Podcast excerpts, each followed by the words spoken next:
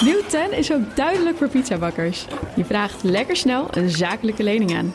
Net zo snel als dat ik mijn pizza's bezorg.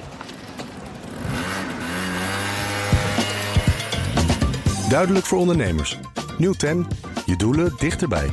Een initiatief van ABN AMRO. De Friday Move wordt mede mogelijk gemaakt door TUI en Droomparken. Droomparken, je perfecte vakantie of een eigen tweede huis. BNR Nieuwsradio. The Friday Move. This is a moment that lives beyond the headlines. Maar ik zie ook een rode draad die al deze unieke medailles met elkaar verbindt. Represent Leo Messi as Paris Saint-Germain player. Art Rojakkers. Ja, zangeres. Zangeres, ik moet wel mijn microfoon pakken, zeg. Het is echt een vrijdagmiddag hier. Ja, zangeres Lakshmi, dat is vanmiddag mijn co-host. Haar nieuwe single is uit en volgende week gaat ze weer optreden. En sportjournalist Jaap de Groot is terug uit Tokio... waar hij de Olympische Spelen volgde. Hij heeft er heel veel indruk op gedaan en die gaat hij zo met ons delen. En Marianne Zwageman is hier. Ze maakte een boek over de ondergang van de Telegraaf Mediagroep... en overhandigde zojuist het eerste exemplaar hier aan Fons Westerlo. Dit is The Friday Move, live vanuit de Sky Lounge... in de Doubletree bij Hilton Amsterdam... met The Beach van DJ Thomas Robson.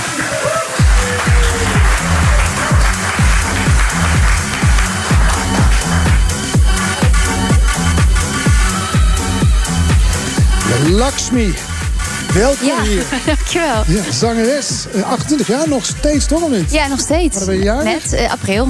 Oh ja, Ja. welk april? Wanneer? 17. Jij? Mijn dochters zijn de 13e jaren. Het zijn rammen. Ja. Ja, leuke mensen zijn dat. Ik heb er wel twee, dus ik kan me toch of niet? Ja. precies. Meegedaan aan Wie is de Mol, wel een paar jaar te laat, want toen presenteerde ik het al niet meer. Ja, jammer hè? Ja. Hoe vond je het? Vet. Ja? Heel vet. Heel eh één grote mindfuck. Ja, Echt, nou, dat eh, wordt vanmiddag ook, want je wordt mijn co-host. Ja, één grote grote mindfuck. Helemaal een, een, een, een, herbeleving. Precies. Nou is eh, BNR een zender waarop vooral heel veel geouwehoerd wordt... en niet zoveel muziek geluisterd. Dus we gaan toch even proberen te beschrijven wat jouw muziek inhoudt. Het wordt pop noir Ja. genoemd. Pop noir. Het is eigenlijk popmuziek, zeker wel, maar met een redelijk donker randje. Ja, poëtische teksten, donkere violen, Ja, synthesizers. ook nog eens. Piano. Ja. Alles. Ik vind het prachtig. Waarom past die muziek bij jou? Ehm, nou, omdat ik, eh, ik hou echt van popmuziek. Ik hou ook echt van, van popmuziek. Maar ik hou ook heel erg van. eh Ja, zing jij mee met Frozen en zo? Nou, Frozen gaat me net te roze. Iets te, iets te, te roze. Eh, maar ik, en ik hou ook heel erg van juist super donkere muziek, donkere poëzie. En eigenlijk een mix daarvan. ik, eigenlijk alles wat ik tof vind, stop ik in een soort van blender en dan komt pop noir Ja. eruit. En dan komt er bijvoorbeeld dit uit jouw nieuwe single... waar we een stukje van mogen laten horen. Hier, hartstikke mooi. Grow With You. Not sure if I'm gone, am I afraid to die from anything you're gonna say next? I just wanna grow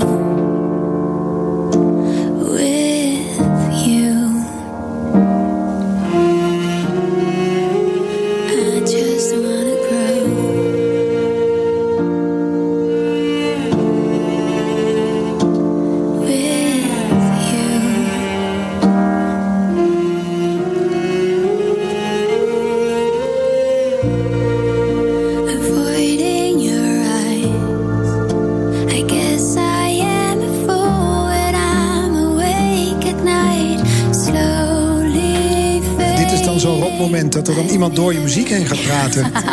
Ik zie je nu ook een Het beetje pissig kijken. Ja. Het zit hier heel vol in de Sky Lounge. Iedereen was mee aan het luisteren. Het lijkt me dat ze hier wel een applaus voor verdient voor deze nieuwe single, toch? Dankjewel. Precies. Het is eh, een tekst die over iemand gaat die wij Ja. ook kunnen kennen. Ja, een vriendje. Ja, en jouw vriendje is ook een zanger. Ook een zanger. Origineel. Ja, ja, het is echt eh, een soort zoekt soort. De zanger van de rockband Kensington. Ja. En waar, hoezo gaat het nummer over hem? Wat heb je over hem te vertellen? Ve- nou, nooit uitgeluld. Ehm, eh, veel. Ik heb, eh, met, ik heb dit nummer eigenlijk twee jaar geleden be- ben ik begonnen met schrijven. Ik heb daar toen niet zoveel mee gedaan. En op een gegeven moment, ik ken hem echt al heel lang... en we waren dit om elkaar heen aan het dansen. En, Letterlijk. Letterlijk en figuurlijk. En eh, dat was eigenlijk begin dit jaar werd dat wat serieuzer. En we merkten allebei dat we wat, meer, wat minder angstig daarin waren. Want we zijn daarin ook redelijk hetzelfde. Dat we heel erg afhouden. En op een gegeven moment ging hij zich met dat nummer bemoeien. Omdat ik niet uitkwam bij de bridge. En toen heeft hij meegeschreven. En toen ondertussen kregen we een relatie. Officieel. Wat een slimme versiertruc van ja, hem. goed hè. samen vocalen opgenomen, samen gemixt. Allemaal heel romantisch. Ontzettend romantisch. Werden er ook kaarsjes bij aangestoken? zo? Alles, kaarsjes, wijn, Geloof er helemaal niks van. volle maan. Ja. Maar die tijd die voor deze single zat, dus voordat je er begon te schrijven was, heb je verteld in verschillende interviews die ik dan lees voordat je hier naartoe komt, was best moeilijk voor je. Ja, eh, eh, het- ontzettend. Kun je erover vertellen? Ja, ik, heb, ik ben gewoon een, een lopende contradictie. Dus ik heb vaak, eh, wil ik heel graag veel doen. Ben ik daar dan toch weer bang voor. Ik ben ontzettend eh, perfectionistisch. Heb ontzettend faalangst. Dus dat is een verschrikkelijke Lekkere combi. combinatie. Ja. Ja. Dus het is de hele een soort strijd met mezelf. En ik merk dat ik, maar misschien ook omdat ik ouder word, dat ik iets meer inzicht 28 krijg. jaar, zegt al ze. vier Ja, jaar in therapie, alles. Ja. Gewoon dus helemaal eh, wel iets meer eh, inzicht. Je zegt intussen in vier jaar therapie zit je nu. Ja, gewoon elke week. En dat kan ik iedereen aanraden. Ja? Ja. Wat heb je ervan geleerd? Ja, en mezelf gewoon eh, eigen verantwoordelijkheid nemen voor je eigen shit. Daar had je therapie toch niet voor nodig? Nou, blijkbaar wel. ik wel. En wat betekent verantwoordelijkheid nemen voor je eigen shit? Nou, als jij bijvoorbeeld eh, op bepaalde dingen reageert die jou heel erg triggeren, of je, of je stapt constant in dezelfde eh, patronen en valkuilen, is het heel erg fijn als je op een gegeven moment leert waarom je dat doet. Dat je daar een beetje begrip voor krijgt. Dat je niet eh, anderen of jezelf heel erg afstraft daarin. En juist dus eigen verantwoordelijkheid nemen om daar doorheen te werken. Hoe oncomfortabel dat dan ook kan zijn. Ja, ik probeer het te begrijpen, maar misschien had ik daar net iets meer therapie voor moeten hebben. Maar, maar die, die, die therapie heeft er ook voor gezorgd dat dat zwaarmoedige wat in je zit, dat, dat deze muziek wat lichter klinkt. Klopt dat of niet? Ja, nou, muziek is nog altijd wel ehm, een manier om alles te kanaliseren. Dus ook de.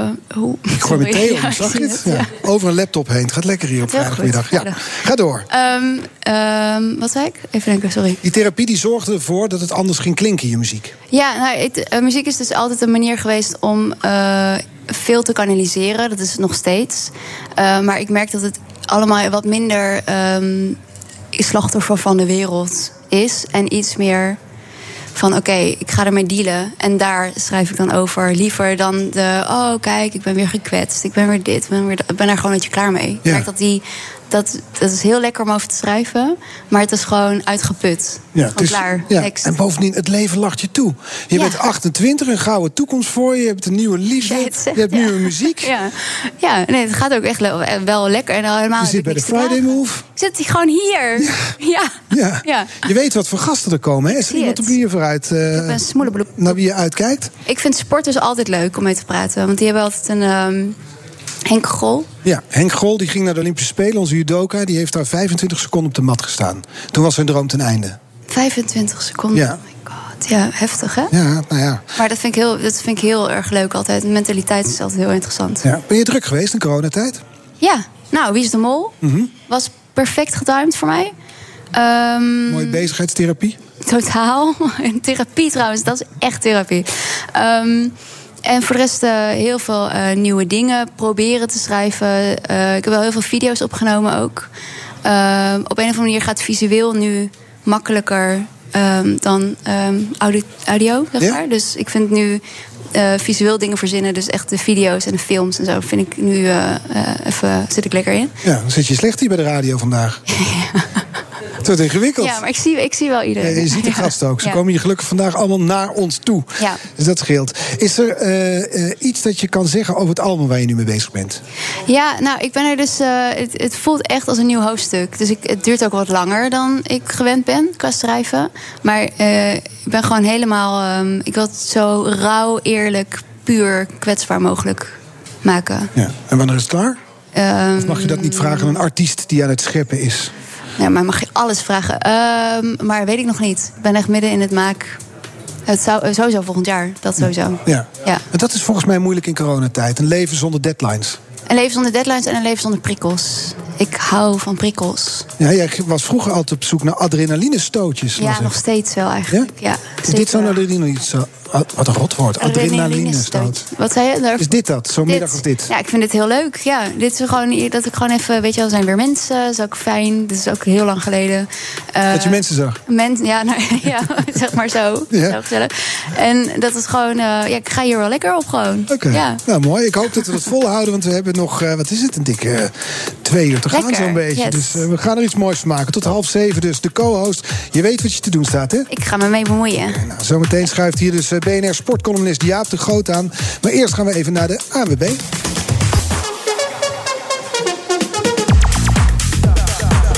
Ja, dit is de Friday Move van vrijdag. En dan ook nog eens vrijdag de 13e, Lakshmi. Ben je erbij geloven? Oh ja, oh leuk. Oh, dat vind ik alleen maar leuk. Ja. Oh, nou mooi. Leuk. Ja, tot nu toe gaat. Ik heb al thee over een laptop heen ja, maar gegooid. jij gaat lekker, ja. Er komt het woord adrenaline, dus ik hou me er goed aan.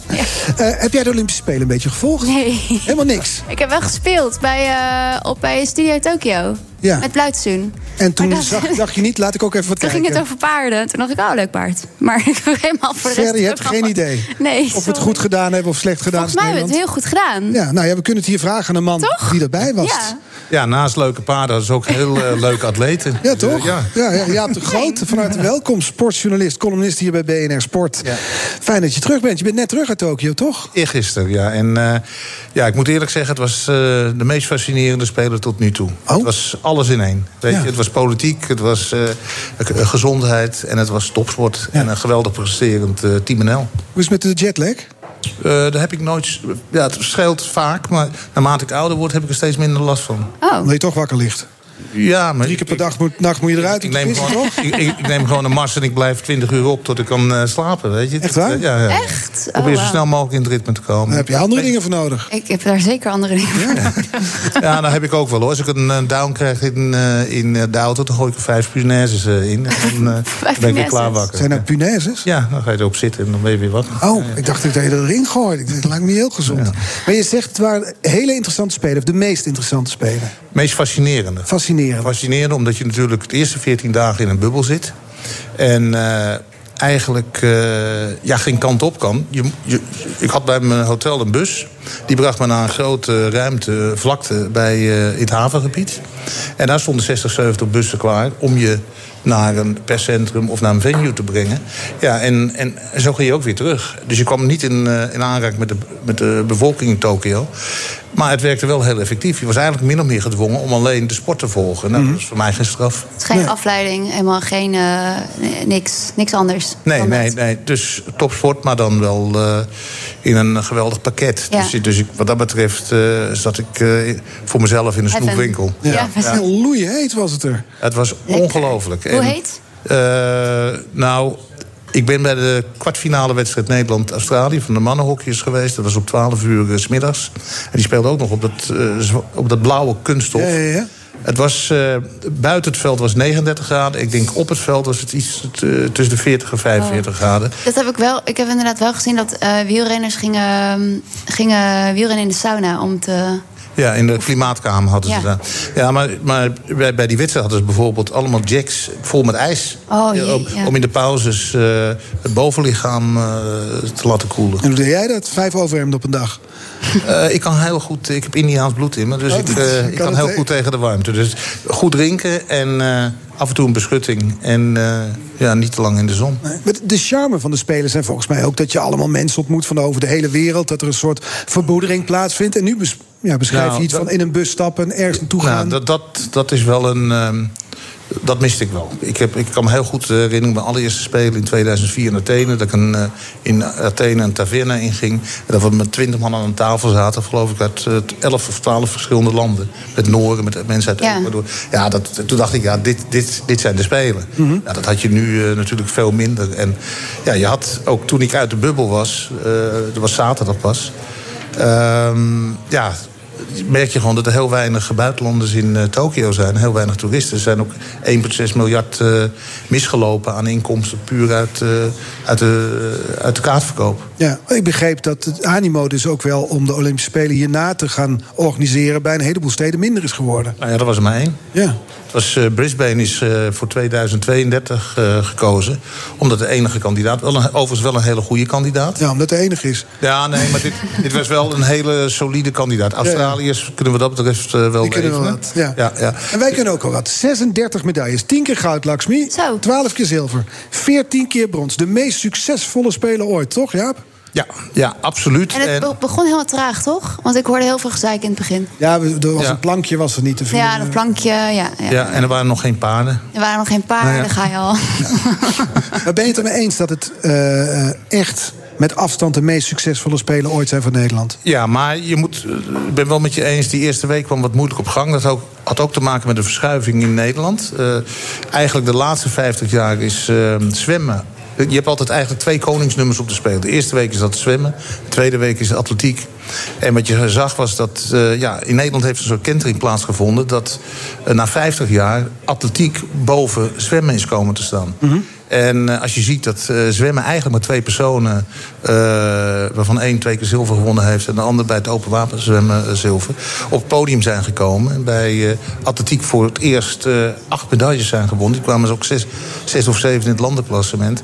Ja, daar heeft er ook iets mee te maken. Ja. Dat, dat uiteindelijk de, het zwaartepunt van... ehm, van het succes zat in de tweede week, omdat er ook de baanwielrenners in actie kwamen. En dan zie je eigenlijk ook van, er is natuurlijk een euforie.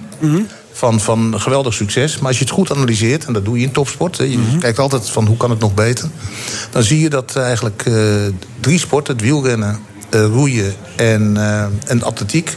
goed zijn geweest voor twee derde van de medailles. Terwijl we met 30 de disciplines hebben meegedaan. En dan vind je het toch goed maken. Want ik, ik hoorde jouw column bij BNR Sport. Ja. En daarin zei je, nou, we moeten succes ook wel een beetje relativeren, hoor. Op Iets, iets wat eh, relativeren, omdat je, wat goed is, is goed. Maar je hebt dus eh, van de 30 disciplines zijn er zeg maar vier die eh, voor, die voor eh, twee derde van de medailles hebben gezorgd. Je hebt er dan vervolgens, eh, ik dacht, eh, acht die de andere medailles eh, binnen hebben gehaald. En dan hou je 18, eh 18 bonden, 18 sporten over die niks hebben geleverd. Maar ja, we waren het beste land van de Europese Unie. Ja, maar- Moeten we dan nog gaan relativeren? Nee, maar je ma- het is topsport. Dus je gaat toch altijd beter. Je wilt toch straks, in, eh, je wilt toch straks in eh, Los Angeles voor de 37e medaille gaan, of niet? Ja, dat weet ik niet. Misschien moeten we ook soms gewoon trots zijn en denken van... we hebben er 36 gehaald, Nou, we, we zijn, van ons. we zijn toch trots, maar we zijn nu in de aftermath van, van het event. Ja? En we zijn, hebben eerst gefeest. We zijn nu op het, eh, we zijn op, eh, bij de koning en de koningin geweest. Evaluatie. En nu gaan we over tot de orde van de Dus dag. wat zou jouw tips zijn dan? Hoe gaan we de volgende keer meer medailles halen? Nou nee, ja, goed evalueren met wat er bij die 18 andere Ja, sporten. snap ik. of als je, meer- als jij wat- wat- evalueert wat- als kenner, want je, dit zijn jouw vijfde Olympische Spelen. Ja. Dus jij, jij hebt inzicht. Als jij dan kijkt naar hoe Team NL het heeft gedaan... waar zijn de verbeterpunten Nou, wat mij opvalt is dat ehm, de Spelen in Tokio waren ook de doorbraak van de urban sports. Je had eh, het skateboarden, je had het eh, sportklimmen, je had eh, het surfen. En dat gaat alleen maar toenemen, want het is een enorm succes geweest. Ook de Spelen moeten bezuinigen. Dus, dus eh, het aanleg van een skateboardbaan is vele malen goedkoper dan het eh, bouwen van een stadion. Dus het is ook voor de kosten is het eh, interessant om met de urban sports aan de slag te gaan. Ja, en dan zie je op de begroting van NOC-NSF... Zag ik, kon ik alleen maar 300.000 euro terugvinden voor het skateboarden. Dus ik denk dat daarin wel Er een slag wereld te winnen. Ja, absoluut. Als je dan vergelijkt bijvoorbeeld wat in de gemeente Amsterdam gebeurt... die zijn in dat eh, opzicht al veel, veel verder. De- die hebben nu die, die prachtige urban zone in... eh, op het Zeeburger Eiland hebben ze eh, geopend. Het grootste van, eh, van Nederland. Ze hebben meer dan 100 eh, drie keer drie basketbalveldjes in de stad eh, geopend. En is nu bij de, bij de Ademtoren is er ook een, een breakdance-plein eh, geopend. Ja, die ademtoren voor iedereen. Ik heb Brabantse familie, moet ik altijd uitleggen waar het is. Hè. Dat is dus hier vlak bij het Centraal Station. Ja, de voormalige Shell-hoofdkantoor. En eh, daar is een breakdanceplein. En nou ja, goed, je weet, in, twe- Skaten. in 2024 heb je in Parijs...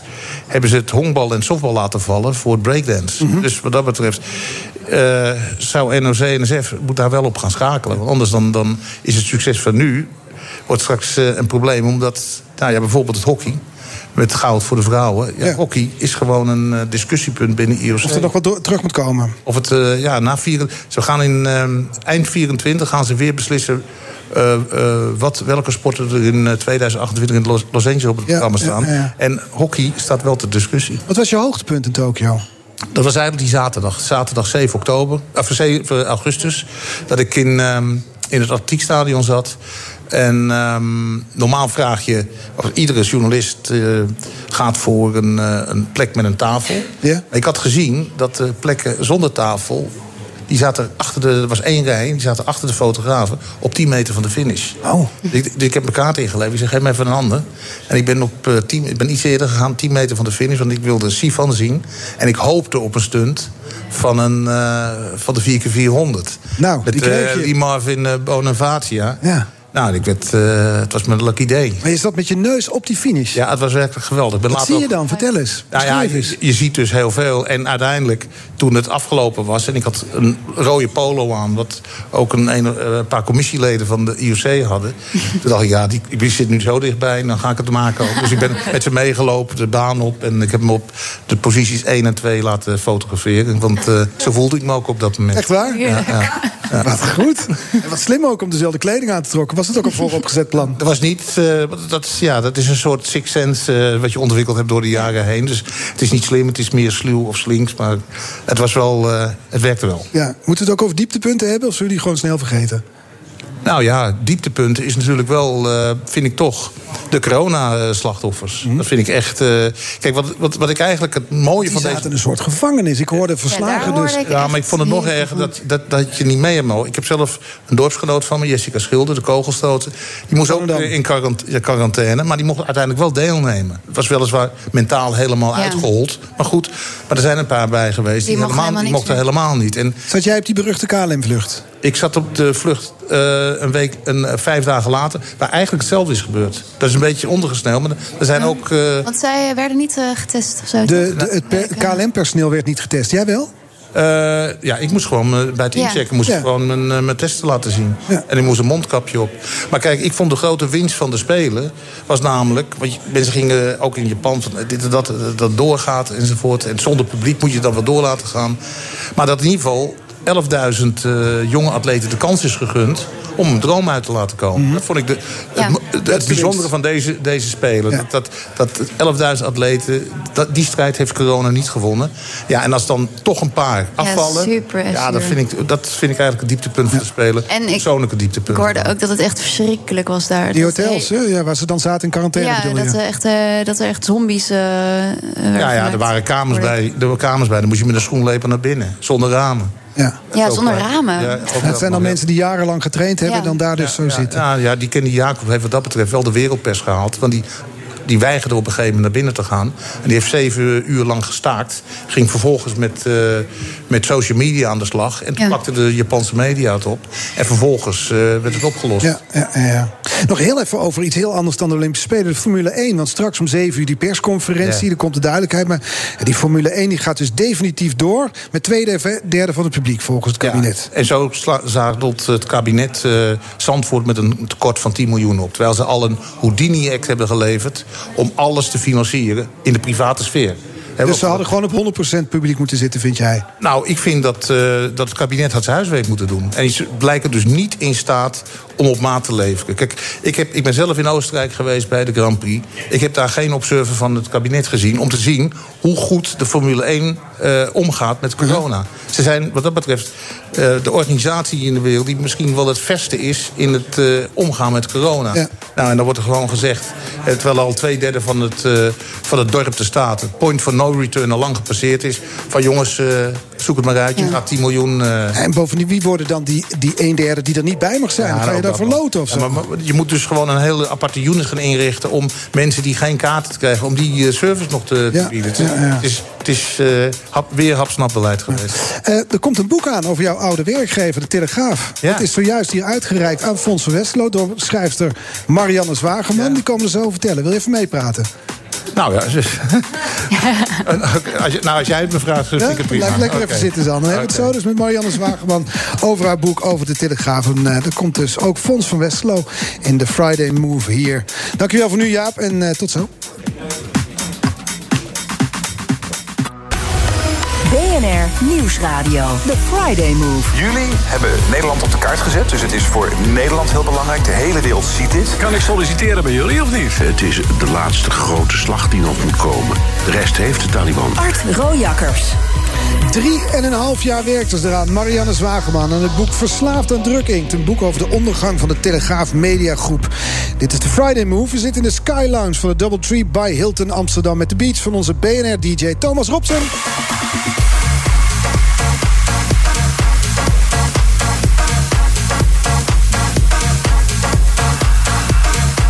Vandaag is zangeres Lakshmi, 28 jaar oud. Dus weet je eigenlijk überhaupt nog wat een krant is, of niet? ja, natuurlijk. Weet je helemaal niet meer. Jawel. Een Zo- papieren zo krant? jong. Een papieren krant, ja, natuurlijk. Wanneer was de laatste keer dat jij een papieren krant las? Eerlijk zijn. Eh v- eh, Volkskrant Magazine laatst nog. Maar ja, ik ben niet Het lid. is een tijdschrift, hè, ja, wat het erbij hoort. Ja, precies. Ja. Ja. Het- niemand leest er nog kranten, Marianne Zwageman, of wel? Onder de Nou, 30? dat is natuurlijk niet waar. Dus jij hebt een hele ouderwetse definitie van een krant. Een krant is toch ook gewoon een ding wat je op internet leest. En, en dan is bijvoorbeeld bij de Telegraaf... Is, is het bereik van de site, waar ik ook eh, columnist ben sinds een jaar, geloof ik... of anderhalf jaar, is, is zeven keer hoger dan dat van het papier. Waar natuurlijk een paar bejaarden nog wel eh, lezen nog wel de papieren krant. Ja, en die doen en zo. eh, puzzeltjes en zo. Ja, maar ja, ja. heel veel meer mensen lezen de krant natuurlijk wel... maar op een andere manier. Jij bent aangeschoven hier. Columnist bij BNR, moeten we meteen bij zeggen. En ook columnist bij De Telegraaf. En dan schrijf je dus ook een boek over de Telegraaf Media Groep. Ja, dat kwam wel eerst hoor. Ik was al twee jaar aan dat boek bezig. Ja? Toen eh, Paul Jansen, de hoofdredacteur, mij belde en zei: Wil jij een column bij ons komen schrijven? Want Ik dan komt nou, dat boek een beetje, wordt een beetje positief, dacht hij dan. Nou, nee, dat, hij was vergeten dat ik aan dat boek bezig was. Oh. Dus ik zei: Paul, er komt er wel een boek over jullie uit. Wat niet per se misschien. eh, de- ze voor op de bank gegaan op de basis. Want het is geen Noord-Koreaanse lofzang geworden, dat boek van jou. Het is een eh, zo eerlijk mogelijke beschrijving. Dat zeg ik, het is geen Noord-Koreaanse lofzang geworden. maar nou, het, het is ook een liefdesroman. Dus het is een Alles wat in dit boek staat is, eh, is waar gebeurd. Maar ik heb het wel geprobeerd te schrijven als een roman... waarin je ook eh, gaat meeleven met de hoofdpersonen. Daarom komt Jaap er bijvoorbeeld... eh, Ja, maar, Groot zeer, zeer beperkt in voor. Want ik heb het aantal hoofdpersonen echt probeer, geprobeerd terug te brengen... zodat eh, ja, ook mijn moeder het kan lezen en denken van... ach, wat zielig voor Jules. Jaap heeft het je hebt het nog niet gelezen, het boek, hè? Ben je er benieuwd naar? Hij krijgt hem zo van me. Nou ja, natuurlijk ben ik benieuwd. Nee, ik, heb het, ik ga het natuurlijk toetsen aan mijn eigen ervaring. Stroomt de Telegraaf nog door jouw aderen? Absoluut, absoluut. Zeker zoals het was. Hoe bedoel Ja, je alleen, dat? Nou, ik heb eh, de Telegraaf meegemaakt als een, eh, als een heel open, ambitieuze organisatie... waarin eh, ook vrije geest eh, los konden gaan. En, eh, ik weet nog heel goed dat ik, eh, dat ik benaderd werd. En ik zat toen bij een linkse krant. En iedereen zei tegen me van... ja, dat moet je niet doen, moet je niet doen. Alleen het probleem was dat iets te veel mensen zeiden tegen me. En dan heb ik zoiets van, doe, ik het, doe ik het toch. En dan ervaar ik zelf wel of het... eh, of Heeft het je vriendschappen gekost? Eh, nee, absoluut niet. De Telegraaf was ook ooit wel besmet in sommige kringen. Ja, maar ik had eh, de mazzel dat. eh, of de mazzel. eh, tele, kijk, dat was, ik, was, ik kwam binnen in de tijd van de deelkranten. En eh, toen las niemand de Telegraaf, alleen de sport en de financiële Telegraaf. Dus uiteindelijk las iedereen de Telegraaf. Nou ja, niemand. Ik weet niet welk jaar kwam jij binnen dan bij de Telegraaf? In de jaren zeventig. Was de oplage toen nul? Nee, toch? Nee, nee. Je, eh, hoor wat ik zeg? Ik zeg, zogenaamd Was niemand. cynisch, was zo- cynisch was bedoeld. cynisch bedoeld. Oh, sorry, ik zat Eh, even niet op te letten. nie- Ja. Niemand, komt niet niemand, voor in de niemand las zogenaamd... Zwageman, cynisme. Die gaat altijd recht op het Ik doel af. ik Ja. hang zo aan zijn lippen. Oplaag was 800.000. 800.000. Nee, maar zogenaamd niemand las de Telegraaf. En dan, als, ze dan, eh, als je dan toch met zo'n blad, met dat krant zat... dan riepen ze, ja, maar alleen voor de sport of de financiële Ja, ja. Telegraaf. Zo, Ja, zo werd het gezegd. Zo, je las de Playboy ook altijd alleen maar voor de interviews, toch? Maar dat was wel ook het knappe toen van de Telegraaf. De toenmalige hoofdredacteur, of toen nog niet, maar later eh, hoofdredacteur, die ik ook aanhaal op de achterflap van het boek. Hè, die zei: Het is pas nieuws als het in de Telegraaf heeft En gestaan. dat was ook echt zo. En dat was ook echt zo. Dus er stonden soms echt dingen in die waren al een week oud, maar die werden dan pas opgepikt. Maar die maakte er ook wel een soort grabbelton van. Hè? Dus je kon hem voor de financiële krant lezen, of inderdaad voor de sport of voor, voor andere dingen. Maar er was voor iedereen wel wat te vinden. En daarom werd het natuurlijk ook zo'n grote, brede krant voor ja, gewoon een normale, hardwerkende Nederlanders. Jij zit naast de mediagrootheid, Fons van Westerlo. Ja. Je hebt zojuist het eerste exemplaar uitgereikt. We hebben dit trouwens voor Laxmi geapplaudisseerd. Maar iemand die 3,5 jaar aan het boek werkt, verdient ook wel een applaus, lijkt me Ja. toch? Ja, precies. Waarom het eerste exemplaar voor, eh voor Fons eigenlijk? Nou- die nu een bitterbal krijgt. Dus die kan toch nog geen antwoord geven. Precies, dus dan kan ik even praten. Want als Fons helemaal aan het woord Ja, dan gaat, nou, even dan, bezig. eh, dan heb ik, ik Ja. hoop dat we een half uur hebben. Maar nou, kijk, Fons is niet alleen echt, nou, ik denk een van de hele grote iconen in, in de mediawereld. En dit is natuurlijk een boek over een icoon in de mediawereld. Dus dan zoek je iemand die, die vergelijkbaar is qua statuur, dan kom je bij Fons uit. Maar belangrijker nog, Fons is ook een personage in het boek. Eh, omdat Fons in Nederland natuurlijk SBS heeft opgezet. Daar was de Telegraaf vanaf de eerste dag aandeelhouder in voor 30% En de Telegraaf heeft op een dag ook SBS helemaal over willen nemen. Maar dat mocht niet van de Nederlandse overheid. Dus toen was de hele mededingingswetgeving nog gericht op het zo klein mogelijk houden van die enge rechtse Telegraaf. De Telegraaf mocht de Wegener regiokranten niet overnemen, mocht SBS niet overnemen. dat speelt Denk nu je allemaal. dat het iets met het rechtse imago te maken had? 100% zeker, 100% zeker. Want wie waren het dan die dat tegenhielden volgens Nou, dat, dat, er was gewoon wetgeving erop gericht dat er niet een mediabedrijf heel erg groot kon worden. En eh, dat heeft dus ook de groei van de Telegraaf op een zeker moment afgeremd. Dus ze hebben nooit SBS over kunnen nemen. En nou, Fons heeft daar met zijn neus bovenop gestaan. En ik denk dat dat misschien ook wel een bepalend moment is geweest in de geschiedenis van die mediagroep die nu niet meer bestaat, hè, in Belgische handen is gekomen. Omdat die groei altijd is tegengewerkt. Waar je nu ziet dat de twee Belgische bedrijven die de Nederlandse mediamarkt over hebben genomen, ja, die mogen alles overnemen wat los en vast is, alsof er geen mededinging is. En, en dat is dus een bepalend moment ook in de geschiedenis geweest. Dus ik dacht, nou, dat is een mooie reden om, eh, uiteraard. uit te Fons is de bitterbal op, of niet? Nee hoor, je die, wacht wel Hij even. wacht. Hij was ook toch veel te heet inderdaad. Je- Heb je het boek ook al gelezen? Zeker, zeker. ervan? Het is een thriller. Het is een ongelooflijk boek. Eh, ik heb het natuurlijk toch ook wel redelijk van de- dichtbij kunnen meemaken allemaal. Ik, eh, was al, eh, ik had al contact met eh Borgesius, hoofdredacteur van de Telegraaf. Ik was bevriend met Hans de Haas. Bevriend met Johan Oldekal. Dat was een van mijn allerbeste vrienden. Ga niet al je vrienden opnoemen. Nee, maar het waren allemaal hoofdredacteuren. Ja. Mhm. En ik schrijf nog steeds een klein kolompje in de Telegraaf. eh, Al 14 jaar. Dus ik heb wat met de Telegraaf. En ja, het is een boek wat, wat je echt in één adem uitleest. En het is zo ongelooflijk als je het leest... hoe zoveel mensen zich hebben proberen te verrijken door die Telegraaf. Zoveel mensen helemaal geen gevoel hadden voor waar de Telegraaf voor stond. Wat, wat Jaap ook zegt. Het was een, het was een belangrijke Een plek voor vrijbuiters, zoals Jaap eh, zei. Ja, een plek voor ja, vrijbuiters, maar ook een- echt een nieuwskrant. Men, men, je- terecht werd gezegd, het was pas nieuws als het in de Telegraaf stond. We praten allemaal in verleden tijd. Alsof die telegraaf... er Nee, nee, nee. Het is natuurlijk nog steeds het is nu weer een hele goede krant. En ik hoorde net, er wordt geen kranten gelezen. Nee, dat is waar. De, de oplage van de kranten is natuurlijk minder. Maar de kranten groeien als, werkelijk als kolen op het ogenblik op het digitale vlak. Mhm. Telegraaf, maar ook de kranten van DPG Media, waar ik eh, commissaris ben. Dus Volkskrant, Trouw, Parool, et cetera. En een aantal regionale bladen. En daar gaat het heel goed mee. Jij wilde de dus- reactie van Fons inlijsten, hoor ik. Op ja, het boek. nou, ik, ik had Fons gevraagd of hij hier vandaag wilde zijn. En dat, dat wilde hij, dat vond ik heel fijn. En toen zei ik, nou, dan stuur ik je vast de pdf-versie. Ik hoor trouwens net van Fons dat hij die naar zijn hele netwerk zit te sturen. Dus ga Daar gaat oplagen. Ik ga geen boek verkopen. Bedankt, bedankt daarvoor. Eh, dus als de luisteraars dan nu even naar de boekhandel willen rennen... dan, dan redt mij dat weer de winter door. Maar toen, eh, toen had ik hem die pdf gestuurd. En toen kreeg ik nou echt nog dezelfde dag... eh, later in de avond kreeg ik een mailtje van hem. Toen heb ik mijn moeder gebeld en gezegd... goh, ik heb een mailtje van Fons van Westerlo. Nou, mijn moeder vindt Fons van ook een hele meneer... Hè, want die schrijft ook columns in de Telegraaf. Dat lees ze dan.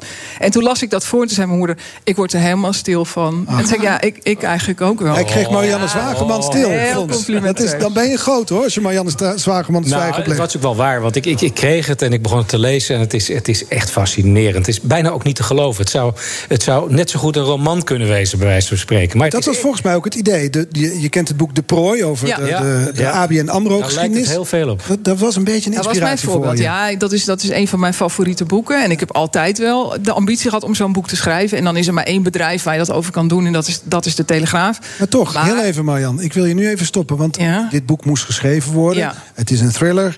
Drieënhalf jaar mee bezig. Maar je zat huilend boven je laptop. Huilend boven mijn laptop. Hoezo? Nou, dat, dat, dat herkent Jaap denk ik ook wel. Ehm, eh, wij zijn allebei natuurlijk... eh, Ben jij ontslagen of ben jij zelf weggegaan? Ik ben zelf weggegaan. Jij bent wel zelf weggegaan. Ik ben ontslagen daar ooit. En ik Ja, ben, want je zat in de directie. Hebben we Ja, directie. Ja, in de holding, holding, holdingdirectie zelfs. Nou, nee, ik heb er negen jaar Negen gewerkt. jaar, ja. Waarvan een aantal jaren in de directie van de krant en later de directie van de holding.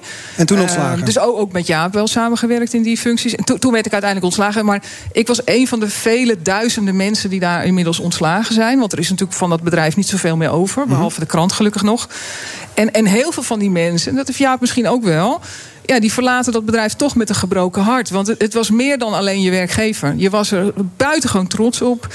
Het was ook een soort familie. Als er iets gebeurde. Ik heb zelf dan zowel 9-11 meegemaakt. als bijvoorbeeld ook de dood van Juliana. Nou, dat zijn dan die momenten. Dan komt iedereen naar de krant. Maakt niet van de portier tot de advertentieverkoper. met het gevoel van: wow, er moet nieuws gemaakt worden. Nou, dat is bij BNR overigens niet anders. Hè. Dat, dat, daar gaat het ook meteen live op zender. En iedereen komt Beschrijf dan. het familiegevoel. Ja, dat, dat, dat, dat is er in heel veel vormen. Maar ook daadwerkelijk dat er heel veel familieleden van elkaar werkten. Dat werd soms ook wel een beetje incestueus. Hè? Dus er waren allerlei mensen die hadden dan weer... hun man of hun vrouw had dan een bedrijfje... wat ook weer. Ja, dat- dat- Dat, dat, dat, lees je, dat lees je ook, dat Oh, lees je ook in echt boek. het boek. Ik dacht dat je het uit eigen ervaring Nee, wist. nee, maar je leest echt in je boek dat op een gegeven moment had je een voor, echt een voordeel als je familie was van iemand die bij de Telegraaf werkte. Dan kreeg je een voordeel bij de sollicitatie. Oh ja? En het was ook echt een familie, dat weet Jaap ook wel. Allemaal Wij waren, ik, ik werkte bij het Dagblad de Tijd toen er nog een krant was. En, en, en later bij Davo. Maar bij de Telegraaf werd je natuurlijk veel beter betaald. Je, daar werkte je voor het leven. Absurd en dat, dat, betaald. en daar, daar was ook een, een, strijdbaar gevoel. Want je vertelde net, Telegraaf was meteen al aandeelhouder in SBS. En ook in het begin hadden wij natuurlijk met SBS ook wel mensen die kritiek op SBS hadden. En dan kwam ik op die redactie van de Telegraaf en dan riepen ze allemaal in koor: Ga door, Fonsie, ga door. En dan liep ik toch echt feestelijk die tent Maar uit. En dan hield, ik, en dan hield ik echt van die krant. Maar volgens jij zei net ook, SBS had in Nederland nooit zo succesvol kunnen zijn. Oh nee, zeker niet. Zeker niet. geen Nee, zeker niet. Maar dat is echt een bijzonder verhaal. Omdat je. oh, Kijk, ik, ik bedacht. eh, er waren Amerikanen die SBS wilden beginnen in Nederland. Mhm. En ik dacht, er moet een Nederlandse club in. Want het is zo gepolitiseerd omroep. Daar moet een Nederlandse club bij. Dat kon alleen maar of de persgroep zijn of de Telegraaf. Maar gezien het feit wat wij wilden, moest dat de Telegraaf worden. En er kwam Ad Zwartjes, die ook in het boek eh, voorkomt. Samen De met CEO op dat de moment. CEO op dat moment. Met de financiële man van Aken kwamen in een cafeetje in Amsterdam naar ons luisteren. En die zeiden: Mo, dat klinkt wel aardig, dat moesten we maar eens doen. Zo ging het echt.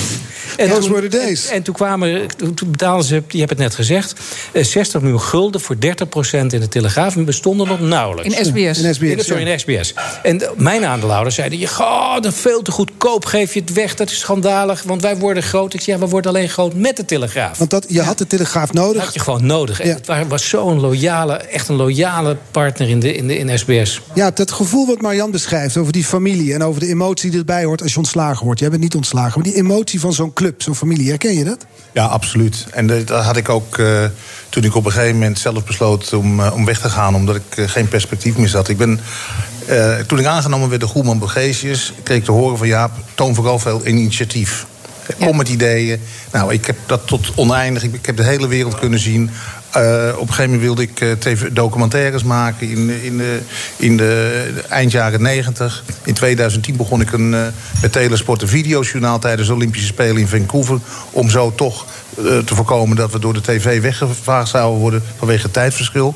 Maar alles, dit, dit alles, was ook alles. dat familiegevoel. Hè? Want wat Fons net zegt, van ze kwamen naar een kroegje... en het was een handshake deal, 60 miljoen gulden, prima, joh, ga maar doen. Ik kom zelf uit een familiebedrijf, daar is dat ook zo. Die eigenaar die beslist gewoon. En dat, dat hebben wij, want wij hebben ook nog, want die documentaire... Wij toen, wij, Ja. Ik was toen de baas van het videohuis... en ben naar Jaap toe gegaan en zeg... Jaap, jouw redactie komt overal, wij moeten samen optrekken. Ja. Toen hebben we die documentaire gemaakt... Ajax Missie Kaapstad. Ja. Toen hebben wij in één documentaire, Jaapse redactie heeft dat gemaakt en mijn videoteam toen, hebben voor de Tros heeft hem uitgezonden, hebben wij in één uitzending, ik geloof 28 keer de mediawet overtreden. Want we, wisten natuurlijk helemaal niks. Nee. Maar de- je kreeg gewoon groen licht om mooie dingen te gaan doen. Even terug naar die tranen voor jou. Want dat het toen emotioneel was, snap ik. Ja. Toen ontslagen werd. Maar nu, zoveel jaar later. Nou, kijk, Zo zit je dan nog te snikken. Nou, kijk, dat, kijk dit, dit, dit boek is de reconstructie van de ondergang van de Telegraaf Mediagroep. Dus ik wist al toen ik begon met schrijven. De laatste zin is. Op 4 november 2019 bestaat de Telegraaf Mediagroep niet meer. En, en die laatste twee bladzijden van dit boek kan ik nog steeds niet lezen zonder te huilen. Kan ik nu, als ik nu lees, moet ik huilen. Maar ook dat Waarom ik denk. dan? Nou, en ook. En, Ja, leg eens uit, waarom moet je erom huilen? nou, omdat ik, ik heb negen jaar mijn ziel en zaligheid aan dat bedrijf gegeven. En er zijn mensen die hebben daar nog veel langer gewerkt. Jaap heeft er veel langer gewerkt. En, en dat is er gewoon niet meer. En, en dus ik voel ook wel een soort wroeging dat ik denk... ik zat op een cruciaal moment daar in de holdingdirectie.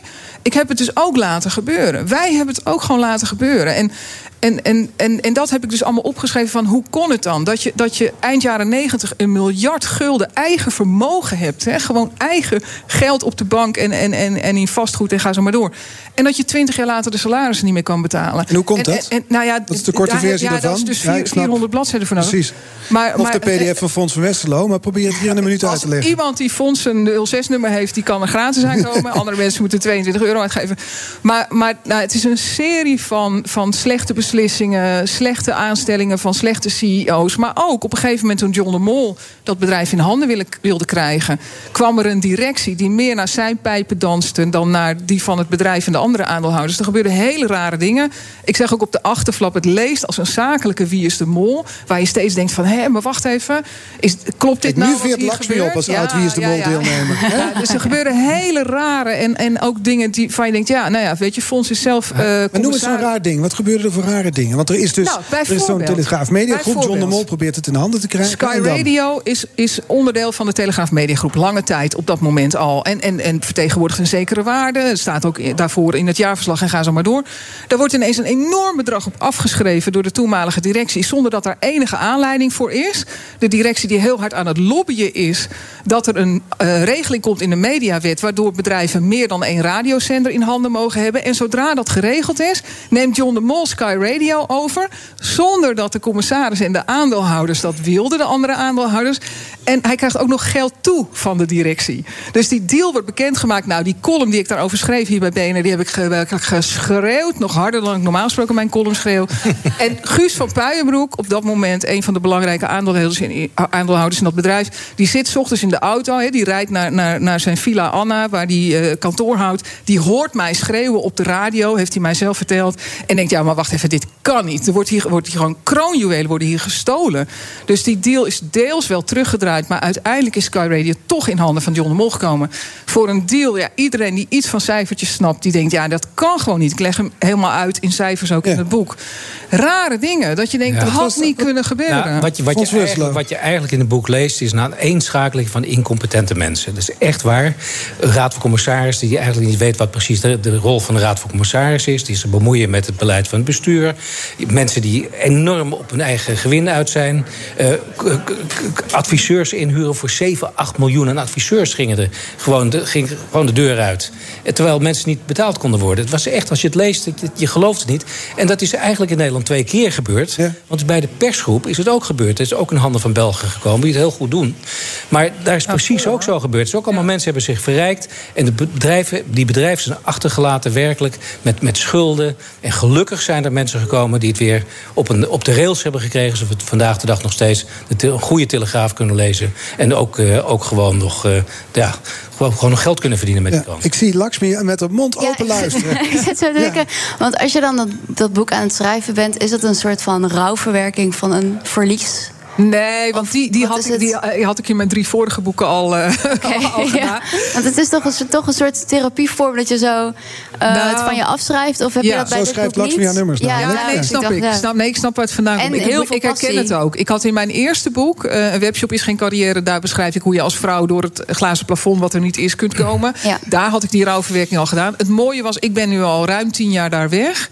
Dus ik was mijn proces al door. En ik heb gewoon heel veel mensen geïnterviewd. Honderden interviews gedaan, tientallen mensen.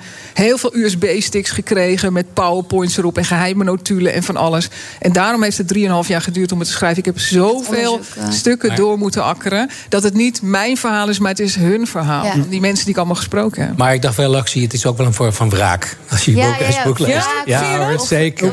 Omdat jij Nee? Nou ja, omdat je toch, je hebt er zoveel verdriet van. En dan ga je zo'n boek schrijven. En dat, ja, je, Nee, maar Fons, het is echt... Ik heb uit liefde heb ik het geschreven, omdat ik... Liefde en liggen dicht bij elkaar. Ja, maar ook wat, wat jij net weer deed. Hè, jij vraagt dan ook aan Jaap van... ja, maar er zijn toch ook heel veel mensen tegen de Telegraaf. Is er ook zo? ja, in de mediawereld is dat zo. Maar, maar, maar out there zijn gewoon... Nee, maar het was ook toen gewoon zo ver uit de grootste krant van Nederland... dat, ja, ik weet, ja, dat zal jij ook zo gevoeld hebben... maar ik ook toen ik er werkte... je werd juist gedragen door je fans, bij wijze van spreken. Dus het, het, het was juist ook een krant die heel erg geliefd was. Ken je dat, ja? Werd Ja, gedragen nou, door ik, fans? Ik, ik was vooral heel competitief ingesteld. Ik eh, wilde gewoon de telesport nummer 1 was en Ja. bleef. En dat was mijn gevecht. was ook zo in jouw ik tijd, wou gewoon elke dag als ik een primeur, als ik, als ik een primeur had, dan, eh, en dan zei ik altijd van, eh, ik had het liefste dat ze met mij bezig waren, want dan konden ze niet bezig zijn met iets waar ik mee bezig was. Ja. Dus had ik Ja. altijd de voorsprong. En eh, ja, ik moet wel zeggen, ik, eh, de, de liefde voor eh, de Telegraaf, ik had vooral de liefde voor telesport. Mhm. En ik heb op dit moment wel problemen met... Ik hoor Fons net zeggen, de krant is nog steeds goed en dit en dat. Maar ik, ik heb wel heel veel weer eh, zien verdwijnen bij telesport. En dat doet me wel eh, heel veel pijn. Ja, wat vind je van de Telegraaf nu of Oh, Telesport nu? Wat? Wat vind je van Telesport nu dan? Nou, het is, eh, het, is, eh, een, een, het, het is op de tweede plaats gekomen binnen de krant. De krant is duidelijk eh, is gefocust op economie en, eh, en politiek. En eh, ja, de deelkranten zijn daarin, eh, het slacht, zijn daarin geslachtofferd. Je vindt de krant een beetje lafjes geworden, Marianne, las ik. Nou, ik vind dat, dat, de, ik vind dat de krant wel iets meer naar het midden is getrokken dan, ehm, dan het van mij had mogen zijn, in elk geval. Nou is dat in jouw geval al snel, toch? Dat is al snel zo. Maar je ziet wel natuurlijk, nou, je ziet de enorme opkomst van, van, van, van Forum. PVV is natuurlijk al jarenlang echt een enorme grote machtsfactor in, in de politiek. Dus er is in de politiek een hele grote groep stemmers die, die toch niet echt goed eh, vertegenwoordigd wordt. Want die partijen mogen niet meedoen. En die mensen hebben in de media eigenlijk ook niet zo heel veel te zoeken. En daar zitten ook heel veel jonge mensen. Hè. Je ziet dat dat soort partijen ook eh, grote aantrekkingskracht hebben. Ze ligt een gat in de markt, bedoel ja, je? ik heb echt het gevoel. En eh, dat heb ik laatst ook nog weer tegen de, de CEO van Mediahuis gezegd. Die, die trof ik toevallig op een etentje waar, waar Fons ook was. Ehm, van, ik vind dat ze het daar wel nog een beetje laten liggen. Niet per se dat de Telegraaf in dat gat moet duiken. Ik heb toen de tijd geen stijl overgenomen. Omdat dat jonge en die, die wat scherpere toon... die kon je ook onder een ander label doen. Mhm. Maar dat wordt eigenlijk nu nergens bediend in de mediawereld. Dus die hele mediawereld is toch een klein beetje... naar de politiek correcte kant geschoven. En, en de Telegraaf ja, haakt daarbij aan. Is nog steeds wel de meest uitgesproken krant. Eh, maar ik denk dat er daarnaast nog een heel gat wel, wel braak ligt. Ja, maar ik weet niet of je de voorpagina afgelopen maandag zag... als er dan zo'n alarmistisch klimaatrapport uitkomt. Nou, daar was ik ook dolblij om. Ja, maar dan kun je moeilijk zeggen dat de. Telegraaf net midden is opgeschoven. Nou ja, maar dat, die, dat, ja, nou, dat, dat, er zijn dus gelukkig Klimaathysterie. ook nog- ja, gelukkig zijn er ook nog uitzonderen. Was ik, ik, nou, ik heb echt een rondedansje gedaan over dat stuk. En, ja, maar en, en ook, dat geloof ik wel in jouw wereldbeeld... maar dat betekent niet dat de Telegraaf net midden is opgeschoven... als je dat leest, toch? nou ja, maar dat is, jij herinnert hem je nu. En dat is misschien ook omdat het dan toch, nou, ik wil niet zeggen een uitzondering is, maar het, wel, hij viel wel op. Ja, ja. En, en, Het is er verloren gegaan met de Telegraaf Mediagroep, Fons van Westerlo. Ja, toch wel, toch wel eh, mensen die liefde, liefde hadden voor de krant. Liefde voor, voor de pers, liefde voor waar, waar een krant voor is... en waarvoor een mediagroep is, namelijk om mensen goed te informeren. En dat hebben de Vlaamse uitgevers nu niet. Nee, dat vind ik wel. Ik vind het, dat ze heel knap hebben gedaan. Dat vind ik wel. Wat is er verloren gegaan, Marianne Ja, maar het is verloren, verloren gegaan en het is weer teruggekomen een beetje. Oké. Want je ziet dat, je ziet... Kijk, we kunnen wel zeggen Vlaamse uitgevers. Ik weet het in ieder geval van de, de concurrent DPG Media. Daar is de CEO van het hele concern is een Nederlander. Eh, de Raad van Commissarissen heeft maar één Belg in.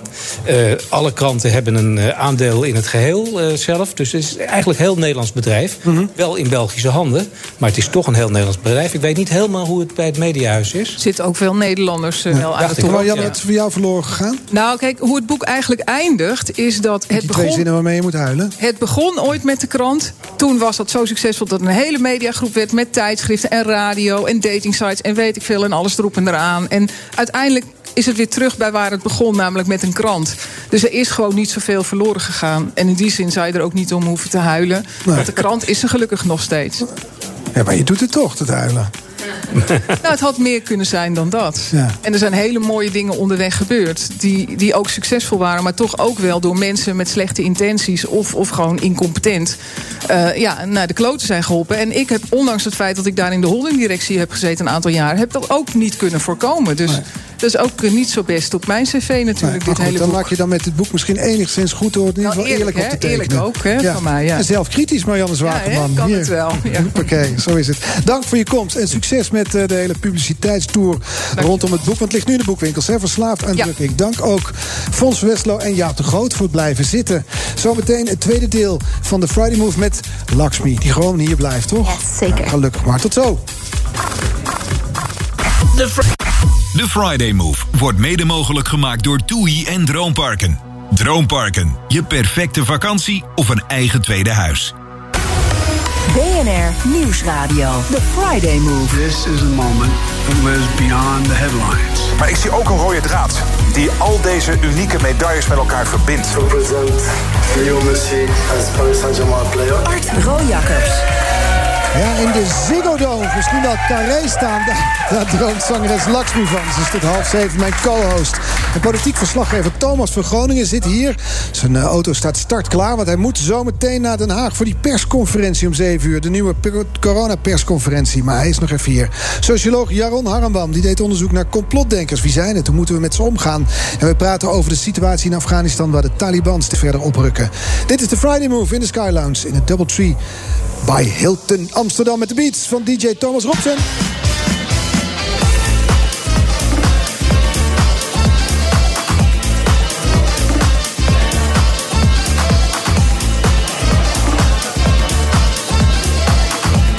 Lakshmi, co-host. Jij ging het huis uit toen je 14 jaar was. Ja.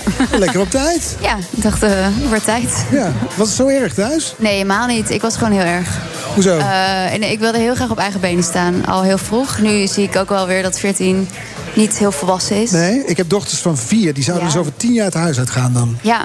Ja. Ja. kan je dat aan? Nee. Nee, Nee. natuurlijk niet. Maar over 20 jaar ook nog niet, nee, denk ik. waarschijnlijk ook niet, nee. Wat, maar waarom wilde je weg? Eh, ik wil, ik eh, zat mezelf ontzettend in de weg eigenlijk. Dus ik, wil- ik dacht, ik eh, wil uit dit dorp. Ik, mijn ouders die wonen in Wiegen. Eh, die waren gescheiden, maar wonen allebei in Mhm. Wiegen. Wiegen? Wiegen, Wiegen. Ja, je komt uit Brabant. Ja. Ja. Ja. maar dat is toch een hardere zachte G daar in Nijmegen dan. Nijmegen. Jij zegt ook Nijmegen. Nijmegen. Ja. ja. Nijmegen, zeg jij. Ja, maar in Brabant hadden wij Zeggen ze dat? ja, Ja. Dus ehm, maar Jij wilde daar weg, wilde ik Wiegen. heel, heel graag weg. Ja. Ja. daar, dus ik wilde naar de dorp is. Wiegen?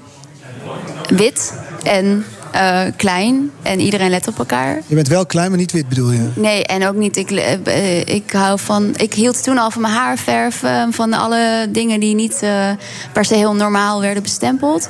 En dat, is, dat was op die basisschool. Was het echt de hel. Werd je gepest? Ja, ontzettend. Dus dat was eigenlijk mijn eerste missie. Was van oké, basisschool af. Overleven. Overleven naar de middelbare school. En dan eh, gelijk naar Nijmegen natuurlijk. En dan eh, zo snel mogelijk verhuizen. Ja. Wat gebeurde er op de basisschool? He- ja, ik, ik, eh, ik heb me altijd een alien, vo- voelde ik me. Dat zei ik van jongs af aan al. Van, het lijkt alsof ik niet kan connecten met, die men, of met mensen. Mhm. Überhaupt, dacht ik toen. Eh, en dat ik niet... ik voelde me niet thuis. Ik was constant op mijn hoede. Ik was de hele tijd alert op... En hoe werd je gepest?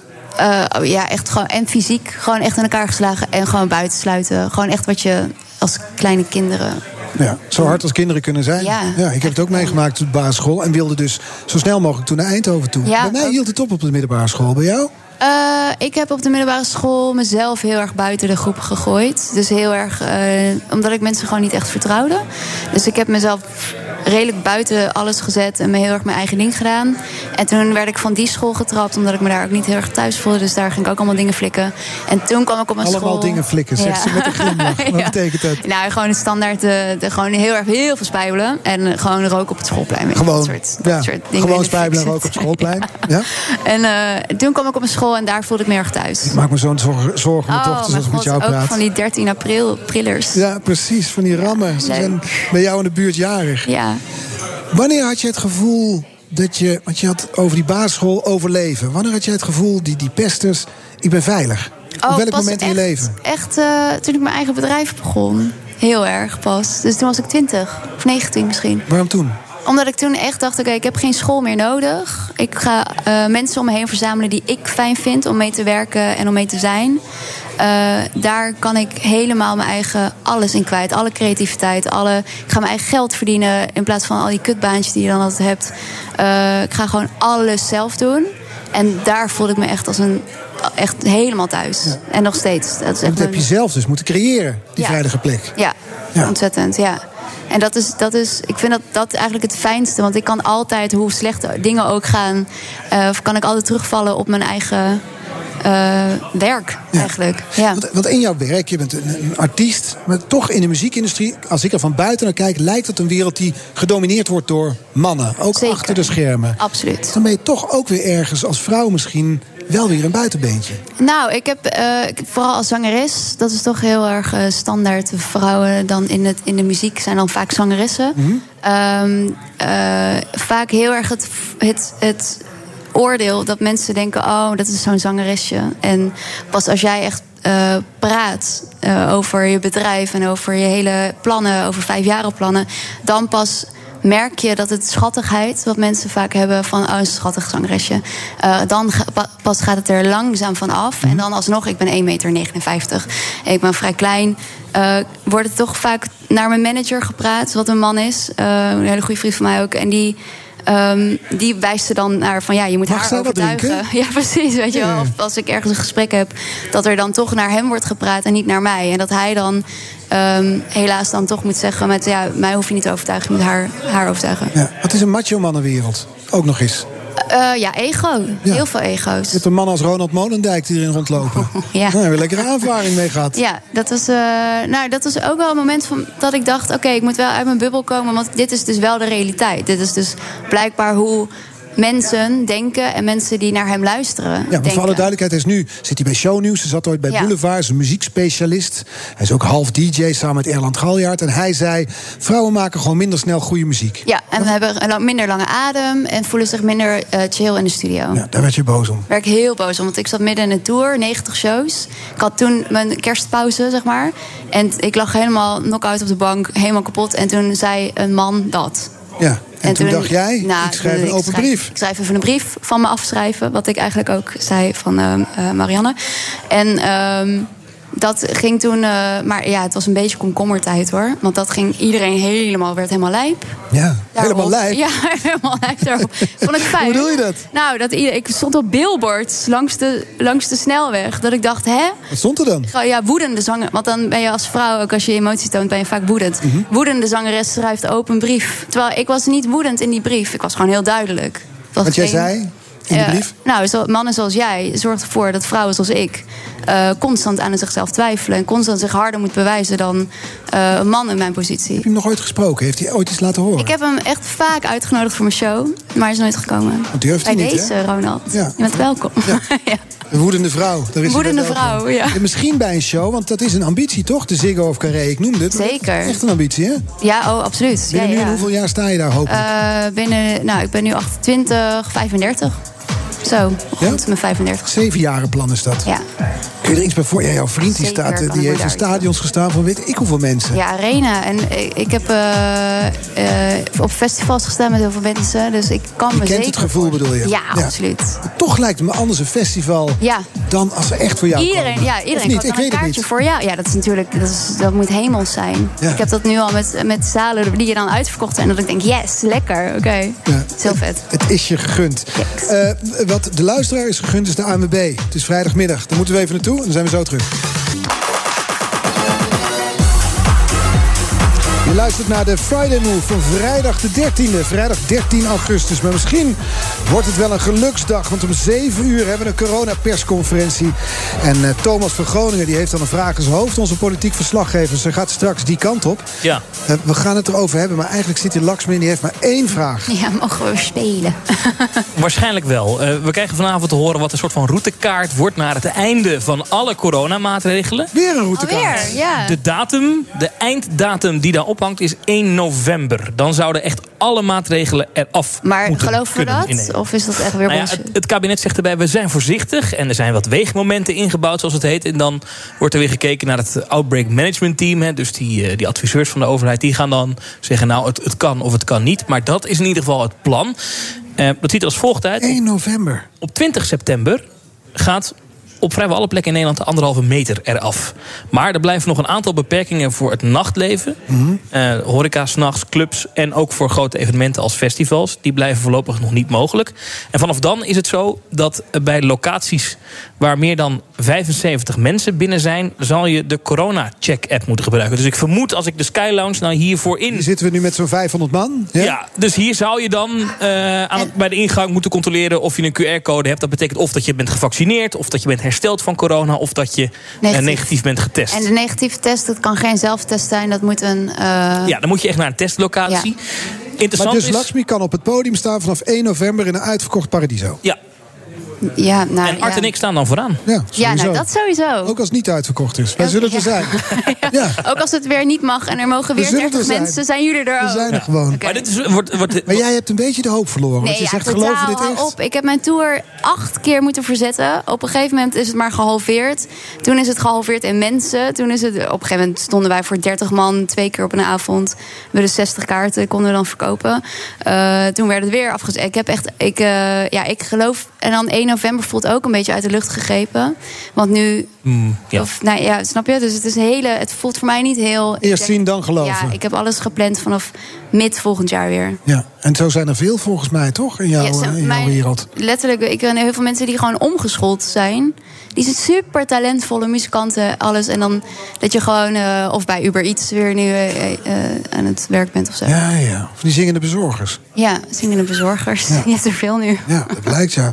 Thomas, die, die persconferentie om 7 uur, het, heeft eigenlijk geen zin. We weten het allemaal al, toch? Ja, er is nu wel weer veel uitgelekt. Scholen gaan open, mondkapjesplicht verdwijnt. Interessant is dat dus de anderhalve meter al eh, vanaf dit nieuwe schooljaar vervalt in het hoger onderwijs. Dus op het MBO, het HBO en op de universiteit. Geen anderhalve meter afstand meer. Wel wordt gevraagd om op de gangen mondkapjes te dragen.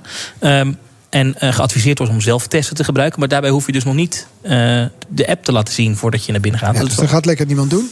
dat denk ik ook niet. Maar Nee, dat wordt, dat wordt, dat wordt eh, wel interessant hoe dat uitpakt. Maar dat is op andere plekken dus nog niet. Dat gaan we vanavond horen. En het middelbaar onderwijs, dus middelbare scholen...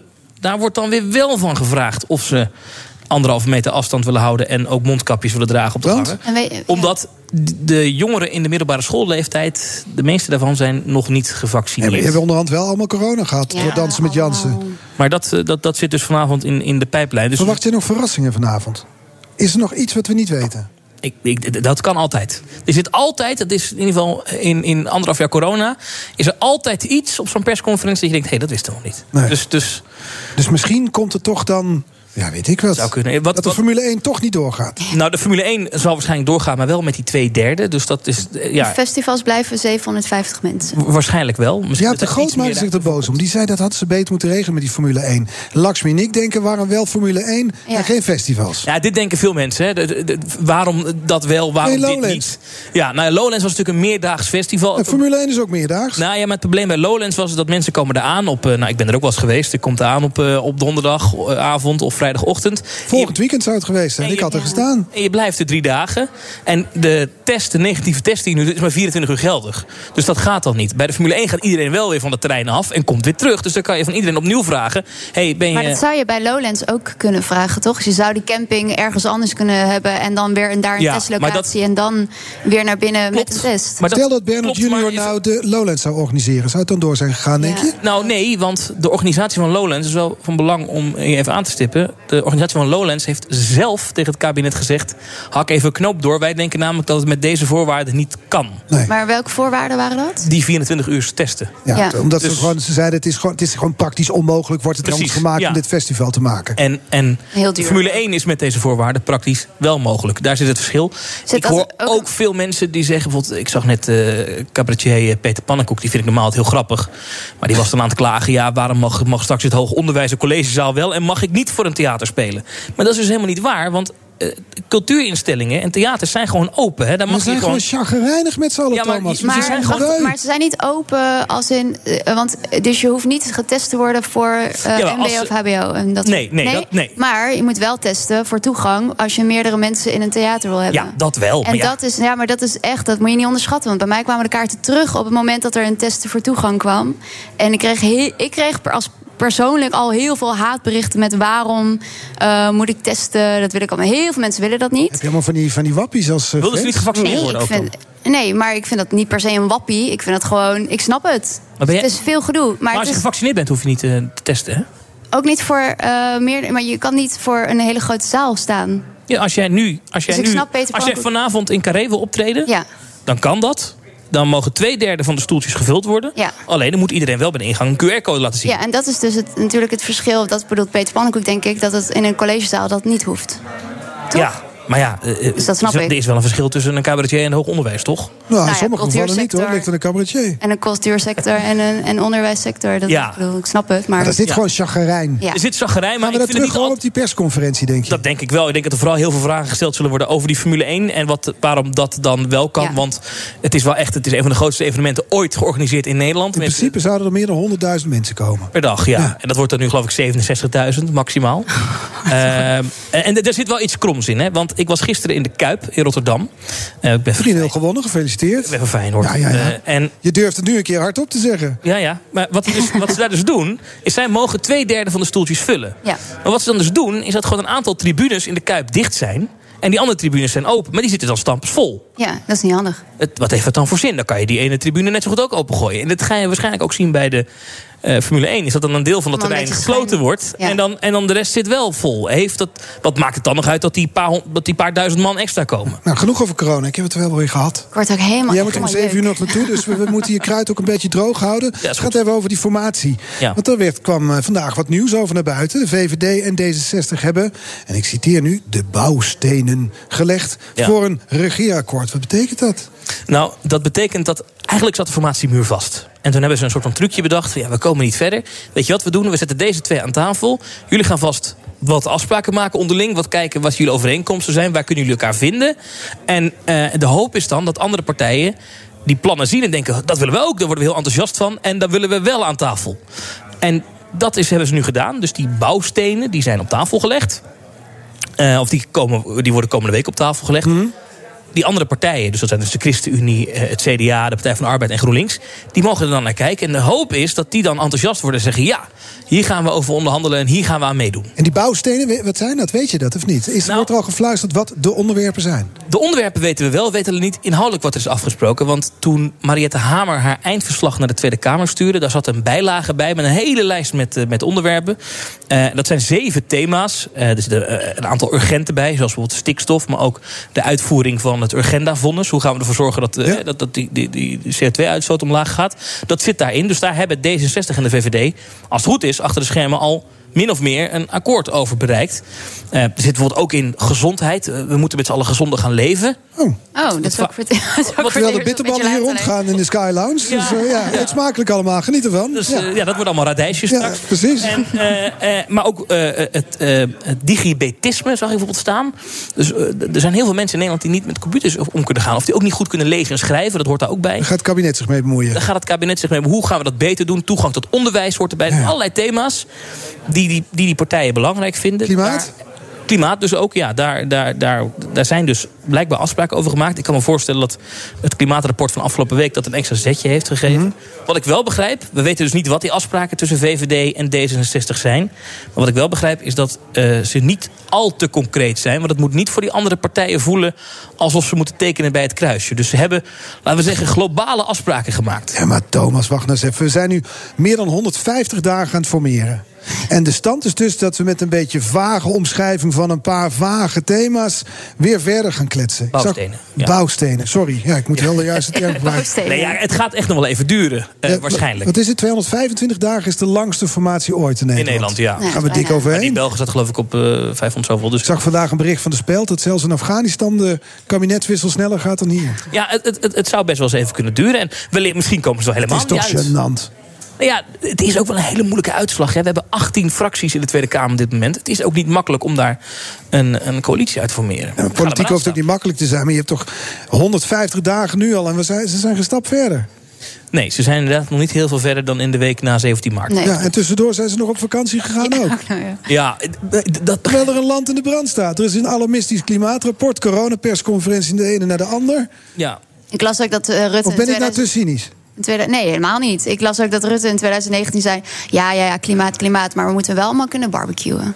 Nou ben ik het wel daar een wel mee beetje eens met het moet wel een beetje gezellig Ja. blijven. En dan staat nu alles in de fik. Dan denk ik, ja, de. Afgelopen week zei hij over drastische klimaatplannen... zei hij, het moet wel haalbaar en betaalbaar Ja, zijn. betaalbaar vooral. Eh, daar vielen heel veel mensen overheen. Aan de andere kant is mijn weerwoord dan wel weer... ja, het zou een beetje gek zijn als de premier zou zeggen... we gaan iets onhaalbaars en onbetaalbaars doen. Dat Ja. zou ook raar zijn. Maar, dat, die, wat ik zeg, die, dat, dat, dat het zo lang duurt. Is er enige gêne in Den Haag over hoe dit loopt? Nee, want wa- je hoort ook wel bij partijen... met name de huidige coalitie... dat is VVD, CDA, D66 en de ChristenUnie...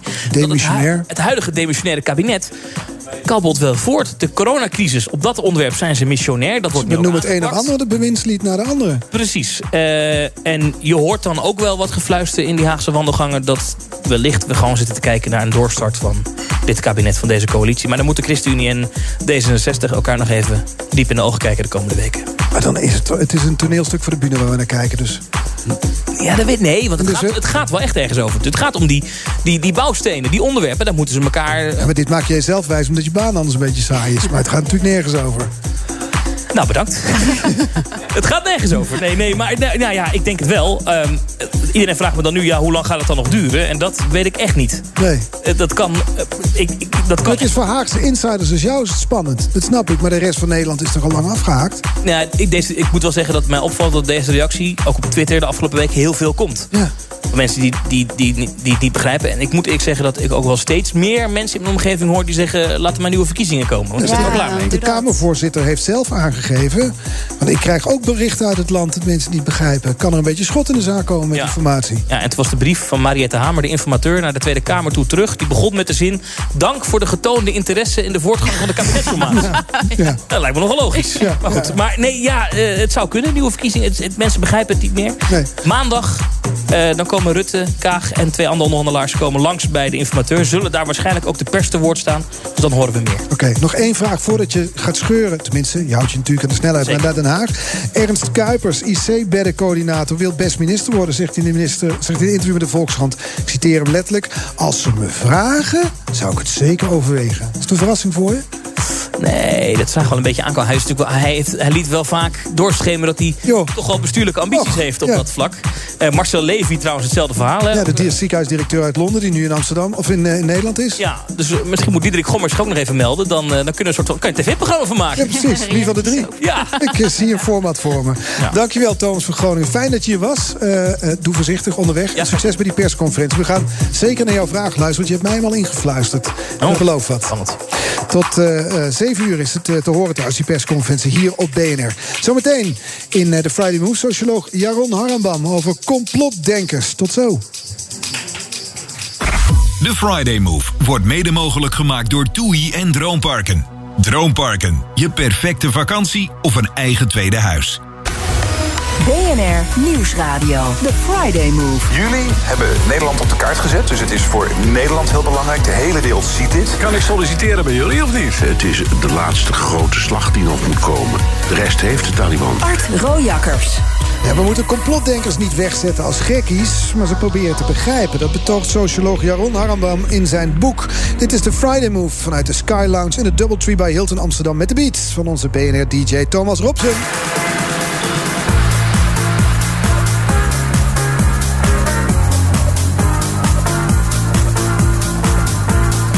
En Lakshmi, co-host, nog steeds. Fijn dat je nog steeds bent. Eh, Instagram grootheid ook. Wat is het?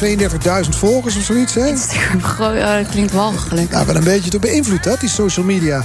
Is dat de manier van jou om de wereld tot je te nemen? Social media? Nee, absoluut niet. Helemaal niet? Nee joh, dat is gewoon toevallig... eh, dat gaat dan opeens lekker. Nou, dat vind ik leuk. Oké. Ja, want dat is wel, het is een broeiplaats van complottheorieën. Ja. was op zoek naar een bruggetje naar de volgende gast. Dus je had eigenlijk sorry. ja moeten zeggen Ja. nu. Ja. Ja. Oh ja, geloof je in complottheorieën? Eh, eh, eh, nou, sowieso zijn er volgens mij veel meer dan ik denk. 9-11. Ehm, nee, ja, nee, dat, De maanlanding. oh, nee, dat vind ik ook... De aarde is plat. Nee, nee. Allemaal Free niet. Britney. Free Britney, absoluut wel. Ja, ja, ja. Hashtag Ja? Free Britney. Maar eh, eh, ik vind het gewoon... ehm, eh, 5G.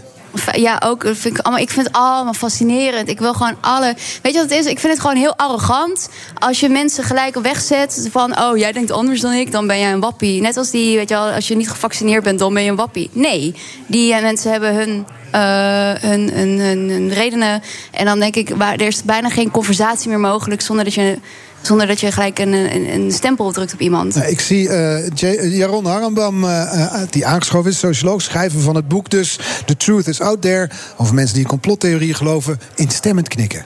Ja, ik had eigenlijk niet eens hier hoeven komen. Uh, net zo'n ambassadeur voor ons boek. Want ik dit heb is precies wat jij betoogt, toch? Nou ja, het is gewoon heel erg makkelijk om meteen te zeggen van... oké, dat is een wappie. Maar waar, komt, waar komen die ideeën vandaan? Hoe zit het met het wantrouwen? Waarom is iemand in die ideeën gaan geloven? Ik denk dat het- Omdat ze slecht geïnformeerd zijn. Nou, dat weet je niet. Het, er kunnen Het is heel toch veel, ook heel veel- logisch dat je wantrouwen krijgt in, dit, in deze wereld op dit moment. Er zijn toch hele vage dingen aan de gang. Wat dan? Dus de hele. eh, dat Trump aan de macht. Sorry, maar toen Trump aan de macht kwam in Amerika. toen dacht ik ook. Nou, jongen, hier, zit, hier moet iets achter. Mensen zijn niet zo. Nou ja, dat is weer oordeel, maar goed, maar sorry. Mensen Eh, zo zijn niet zo? Dat, ze, die, dat die hem eh, daarop zetten. En ik snap het wantrouwen, ik snap het. En het is. eh, Het feit dat je iets niet begrijpt, want dat zit erachter. Hè? Sommige dingen begrijpen als mensen niet, betekent toch niet meteen dat er een complot achter zit? Nee, dat hoeft ook niet natuurlijk. Maar het is meer dat die mensen, daarom noemen wij ze ook in het boek waarheidszoekers. Ze zijn eigenlijk meer op zoek van, ja, wat ik te horen krijg, dat klopt niet allemaal. Dus ik wil meer weten. Ik ga op meer dingen af. En ze gaan op onderzoek uit. En dat is denk ik wat we met het boek ook hebben laten zien. Die zoektocht naar de waarheid die centraal staat. En dat die heel verschillend eruit ziet voor heel veel verschillende mensen. Ja, maar het gaat altijd twee kanten op communicatie. Dus ik snap wat jij zegt over wappies, mensen die vaccins weigeren, die moet je niet zomaar wegzetten. Maar andersom, ik kom ook wel eens mensen tegen die zeggen: Nou, 9-11 dat is natuurlijk een inside job. Dat hebben die Amerikanen zelf gedaan. En als je dan een gesprek probeert aan te gaan, het is niet dat ze naar mijn argumenten luisteren. Dus mensen zitten ook wel vast in hun eigen geloof, toch? Het is bijna religieus.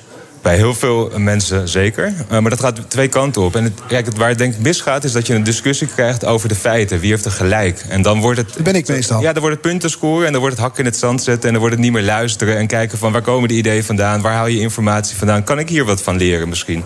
Dus er zijn heel veel andere manieren om met elkaar om te gaan dan proberen je gelijk te halen. En dat is denk ik wat het doel van dit boek ook is. Ja, want je portretteert dus complotdenkers in het boek. Vertel eens, wat zijn dat voor mensen?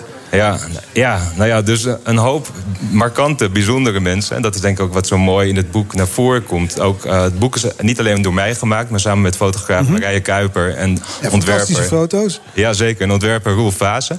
Dus het, uh, het boek zit zeg maar, op, op verschillende manieren proberen we je in die leefwereld van die complotdenkers te trekken. Om te begrijpen wie die mensen zijn, wat ze doen in het dagelijks leven en wat, ja, wat, wat ze met die ideeën doen ook. Zijn er gemeenschappelijke kenmerken? Ja, het begint natuurlijk bij het wantrouwen naar de officiële waarheid. Dat is denk ik voor iedereen centraal.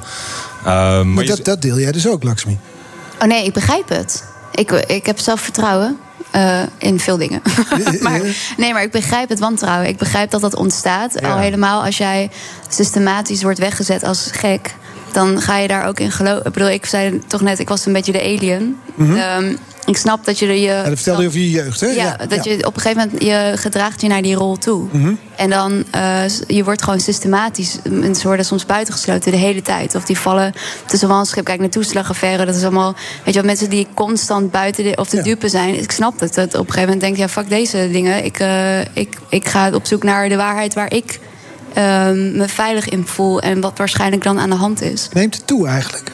Complotdenkers? Nou ja, je ziet wel met de coronacrisis zijn er natuurlijk heel veel mensen die er voorheen eigenlijk helemaal niks mee te maken hadden. Die ook ineens gaan denken van ja, klopt het eigenlijk wel wat de media ons vertellen? En hoezo eh, eh, moeten wij nu al deze maatregelen? Wat staat er eigenlijk op het spel? Welke wereld gaan wij naartoe? Is er nog een toekomst voor mijn bedrijf? Al dat soort vragen hebben ineens gewoon voor heel veel mensen ervoor gezorgd dat eigenlijk wat vast stond ineens los is komen te staan. Dus die waarheid is gewoon heel erg op losse schroeven komen te staan. Hebben ze jou van iets kunnen overtuigen dat je denkt: ja, maar wacht eens even, daar klopt ook iets niet?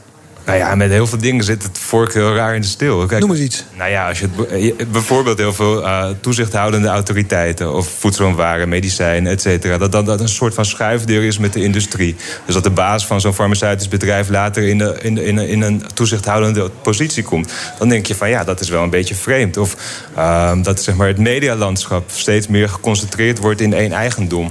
Eh, of tenminste een paar bedrijven die heel veel verschillende mediabedrijven... die vroeger onafhankelijk waren. Dat ja, we roept hadden het erover met Marianne Zwageman. Ja. ja, nou, dus dat roept heel veel vragen op. Dus dat is ook logisch dat dat, dat een wantrouwen genereert. Een president die tien jaar lang consequent bij alles bij elkaar ligt. Dan verliezen mensen het vertrouwen in de politici. En dat is uiteindelijk denk ik ook wat het, ja, wat het hele jammer is daaraan. Is dat eigenlijk al die instituties die we hebben opgebouwd... de media, de wetenschap, de politiek...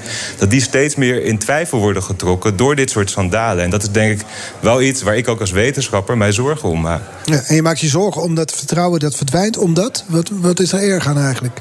Nou ja, kijk, we, onze samenlevingen zijn gebouwd op vertrouwen. Ons geld, onze politiek, noem maar op. Als dat, als dat vertrouwen er niet meer is, dan, dan valt het uit elkaar. Het is niet vanzelfsprekend dat wij zo'n mooi, Dat zien we zo- mooi in land deze hebben. coronatijd. Ja, nou, dat gaat, het is wel aan het shaken. Dat voel je, dat zie je. Dat, Het zou eh, toch ook, het zou toch ook eh, ik, ik, zou, ik persoonlijk zou het gekker vinden als ik, als ik nu denk: Oh ja, ik heb 100% in Ru- Rutte en zijn beleid, dan dat ik daar sceptisch over ben. En daar begint het, denk ik. Het begint echt bij een, eh, echt bij een soort twijfel en denken: Dit is niet. dit is niet hoe het eh, achter de schermen gaat. Nee. Het is niet zuiver, het is niet... Zit er ook een gevaar in, in het feit, in dat complotdenken? Want we hebben de rechtszaak nu gezien van Willem Engel tegen Van Ranst in, eh, in, in België. Je, ziet, je, je, je voelt ergens ook een soort dreiging misschien. Tuurlijk. Dus het gevaar is denk ik dat mensen radicaliseren. Uh, en dat bepaalde complottheorieën ook zich richten op specifieke bevolkingsgroepen. Hè. Het Joodse bodengraven, die kindergraven, die Ja, dan in nee, één keer ook. bezoedeld worden... omdat er mensen zijn die denken dat er een soort pedonetwerk is. Precies, dus wat mijn argument in dit boek ook is... is dat zolang je met mensen contact hebt en praat... zorg je ervoor dat, die, dat, je in- ja, dat, dat ze niet ext- ja, zo radicaliseren eigenlijk. En dat is denk ik wel een belangrijk iets. En wie moet met ze praten? Ja, wij allemaal. Als het je broer en je... Of je ik krijg elke dag meer mails van een moeder die niet weet... hoe ze met haar zoon mee moet praten... omdat hij helemaal in de complottheorieën zit. En het begint allemaal bij gewoon proberen de ander te weer te zien als persoon. En als iemand met een achtergrond en ideeën. En dat je dat niet zo snel in een hokje hoeft te plaatsen. En ook niet heel bang zijn om die, om die conversatie aan te gaan, denk ik. Ja. Want heel veel mensen zijn ook daar heel erg bang voor. Maar ook andersom. Ik denk dat je ook aan die ander, aan de complotdenker dus kan vragen... of het ook oké is dat jij er weer anders over nadenkt. Dat het, weet je wel, die, die, die ruimte voor andersdenkenden die ik betoog... wil je van beide kanten natuurlijk proberen te creëren. En Je dat bent echt een socioloog, hè? Nou ja, Lekker soft begrip voor elkaar allemaal hebben. Nou ja, we hoeven niet geen begrip voor elkaar te hebben, maar als we met elkaar willen samenleven op een goede manier, dan wil je toch gewoon een beetje ja, dat je niet elkaar meteen wegzet en probeert elkaar te begrijpen. Nee. Ja, want we leven nu helemaal in een land met heel veel verschillende mensen. Dus ja, daar. Het is een internationaal fenomeen, toch? Zit dat er ook niet achter? Dat je elkaar via social media zo kan vinden... dat als er in Amerika een of andere QAnon-beweging opstaat... dat er hier vervolgens ook mensen overtuigd zijn... dat politici kinderbloed drinken? Ja, nou ja, dus dit is wel een interessante eh, sociologische vraag eigenlijk. Van hoe reizen die complottheorieën over Via continenten internet. heen? Ja, via internet. YouTube. Maar mensen pakken het ook op. Dus het is grappig welke complottheorieën in Nederland resoneren, zeg maar. Of welke Amerikaanse complottheorieën resoneren ineens wel en, en, en welke niet. En hoe werkt dat? Eh, want sommige zijn uit Amerika zijn super eh, geframed in een republikeins-democratisch onderscheid en zo. En ik vind het ook heel heftig dat sommigen zijn eh, vrij onschuldig of zo. En sommige zijn echt mega agressief. Dat zie je inderdaad dat Ja. politici kinderbloed zouden drinken. Of Mhm. mm via netwerk, whatever.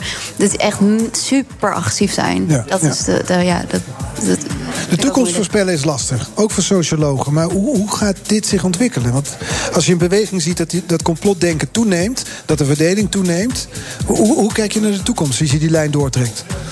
Ja, dat is denk ik ook afhankelijk van grotere geopolitiek en eh, ja, hoe, hoe ziet de te wereld er jaar... En ik weet het echt niet, ook met de corona. Waar gaat het naartoe? Ik weet het niet. Dus het, het belangrijkste denk ik dat we als media, wetenschap en politiek blijven uitleggen wat we doen, zodat we het vertrouwen weer terug kunnen winnen van die groepen mensen die nu eigenlijk twijfelen aan de integriteit en de, ja, nou ja, van die instituties. Want we, dat, het is iets zonde om dat weg te gooien. Nee. Ben je eigenlijk, ik ben Elvis-fan. Ben je mensen tegengekomen die geloven dat Elvis nog leeft? Ah, dat hoofdstuk is er niet ingekomen. Nee. Ja, ik had wel- zo gehoopt zit wel dat ze goede mooi argumenten hadden. Dat dat waar was gebleven. Ja, ja.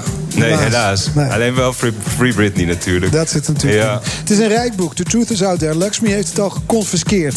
Alright. Zij willen het meenemen. Dankjewel, Jaron Harambam. Het boek The Truth is Out There ligt nu in de boekwinkel. Succes ermee. Dankjewel. We gaan zo verder, maar eerst eh, de ANWB volgens mij, toch? Ja, ANWB. Luistert eh, naar de Friday Move van eh, vrijdag de 13e, 13 augustus. Aangeschoven zijn Annemarie Snels, voormalig voorzitter van de militaire vakbond AFNP. En buitenland commentator Bernard Hammelburg. Welkom allebei. We gaan het hebben over de, ja, de toestand in Afghanistan. Want de Taliban rukken daarop. Ze veroveren de ene stad na de andere. En eigenlijk lijkt het wachten op de val van Kabul. Sterker nog, vandaag komt een bericht binnen. Het is echt vers van de pers. Dat de Nederlandse ambassade versneld wordt. De medewerkers daar versneld worden teruggehaald uit Kabul, eh, Bernard. Ja. Ze willen niet zeggen, het ministerie van Buitenlandse Zaken, hoeveel mensen het zijn. Maar ze, ze worden al weggehaald daar. Ze worden weggehaald. En de Amerikanen doen hetzelfde. Die maken een post op het vliegveld. Die sturen 3000 militairen om mensen daar te helpen wegkomen.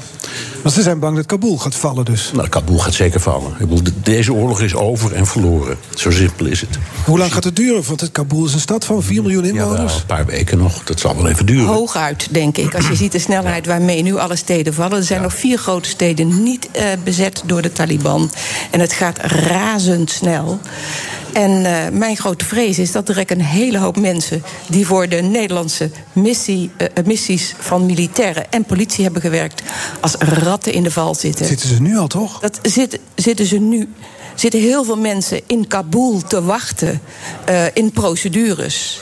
En met de snelheid waarmee Nederland eh, eh, procedures verloopt, het is echt schandalig. Ik krijg iedere dag, ieder uur berichten Ja. van mensen die al zes weken zitten te wachten. Het ministerie verdomt het, zeg ik, om laissez-passés te geven.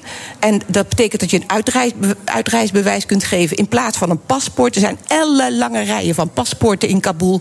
Ik krijg net van tevoren een bericht dat ze het lef hebben in Kabul om gewoon nu 600 dollar per paspoort te vragen. Ja. Dat het hebben gezinnen helemaal niet. Maar je bent er boos om. Ik ben er ontzettend boos om. Ik schaam mij om Nederlander te zijn. Ik vind het kleinzielig, kleinburgerlijk en ongelooflijk asociaal beleid van dit kabinet. En blijkbaar ge- geloven ze nog in, spro- in sprookjes als ze zeggen van wij blijven daar lekker zitten en we gaan het allemaal goed maken met iedereen. Ja, maar je moet het ook van politiek principiële kant bekijken, als ik zo mag zeggen. Die, dat conflict is begonnen in 2001, na, na 9-11. En het ging eerst om Al-Qaeda en daarna om het verslaan van de Taliban. En ehm, dat hebben we gedaan met een heel frame daaromheen. We gingen meisjes naar school sturen en we gingen democratie ehm, eh, eh, faciliteren. En we gingen ze helpen bij landbouw en noem maar, maar zo op. Met andere woorden, wij verklaarden ons collectief bondgenoot van die mensen. En er was dus uit die groep waren de mensen die voor ons zijn gaan werken. Tolken, chauffeurs, tuinmannen, noem allemaal maar op. Administrateurs, je kan het zo gek niet verzinnen. Ehm, en als je daar rondliep, en dat heb ik gedaan... dan krioelde het op de ambassades en op die militaire basis... van de Afghanen die daar werkten. Die laten we nu allemaal collectief gewoon zakken. Het zijn nu plotseling geen bondgenoten meer.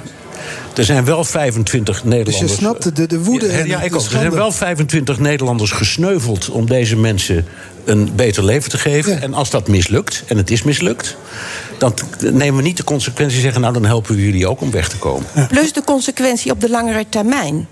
Ik zou niet graag politieagent of militair zijn en in de toekomst op missie worden gestuurd.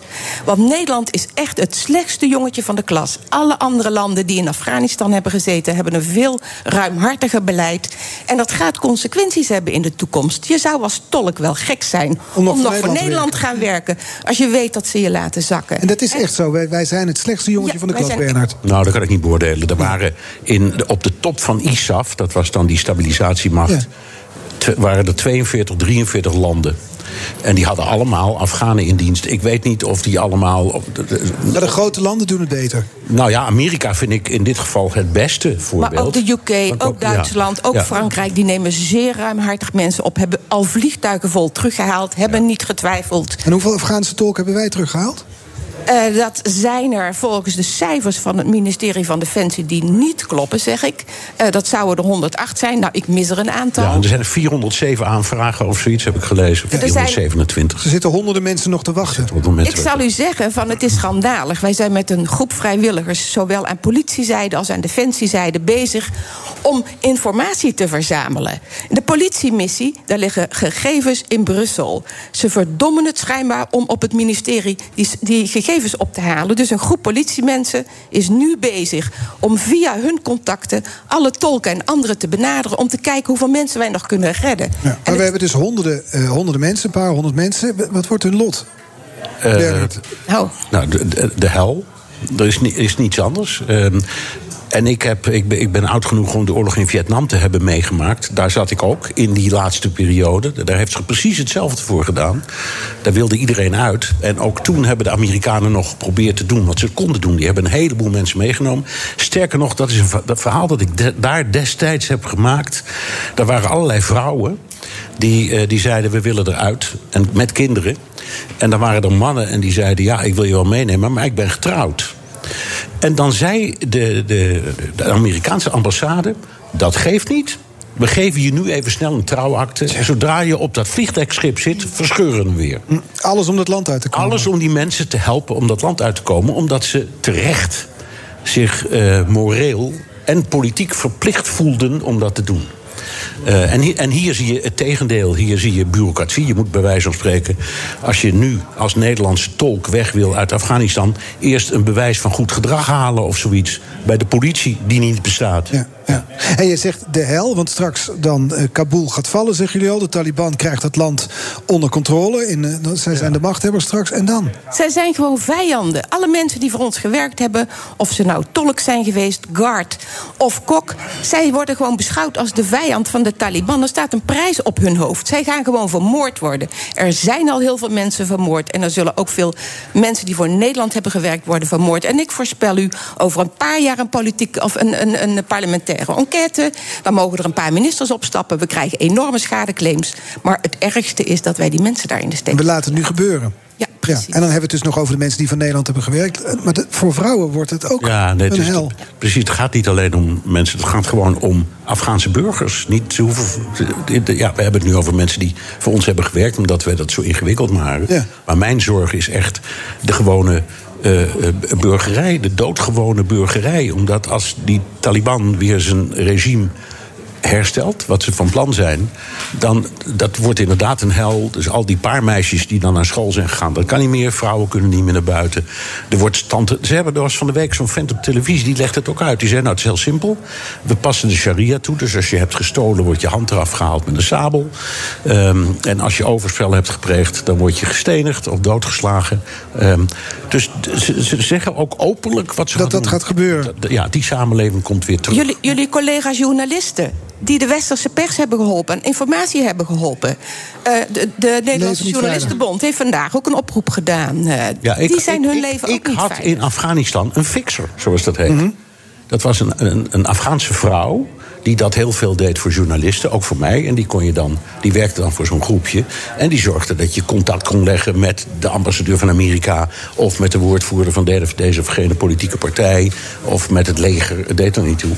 Ehm, en die fixers, dat zijn dus al... Je moet je voorstellen, wij kwamen daar met het idee... dat we daar bevrijders waren. Zij zien ons als bezetters. En iedereen die, zeker de Taliban, en iedereen die mee heeft gedaan aan die bezetting.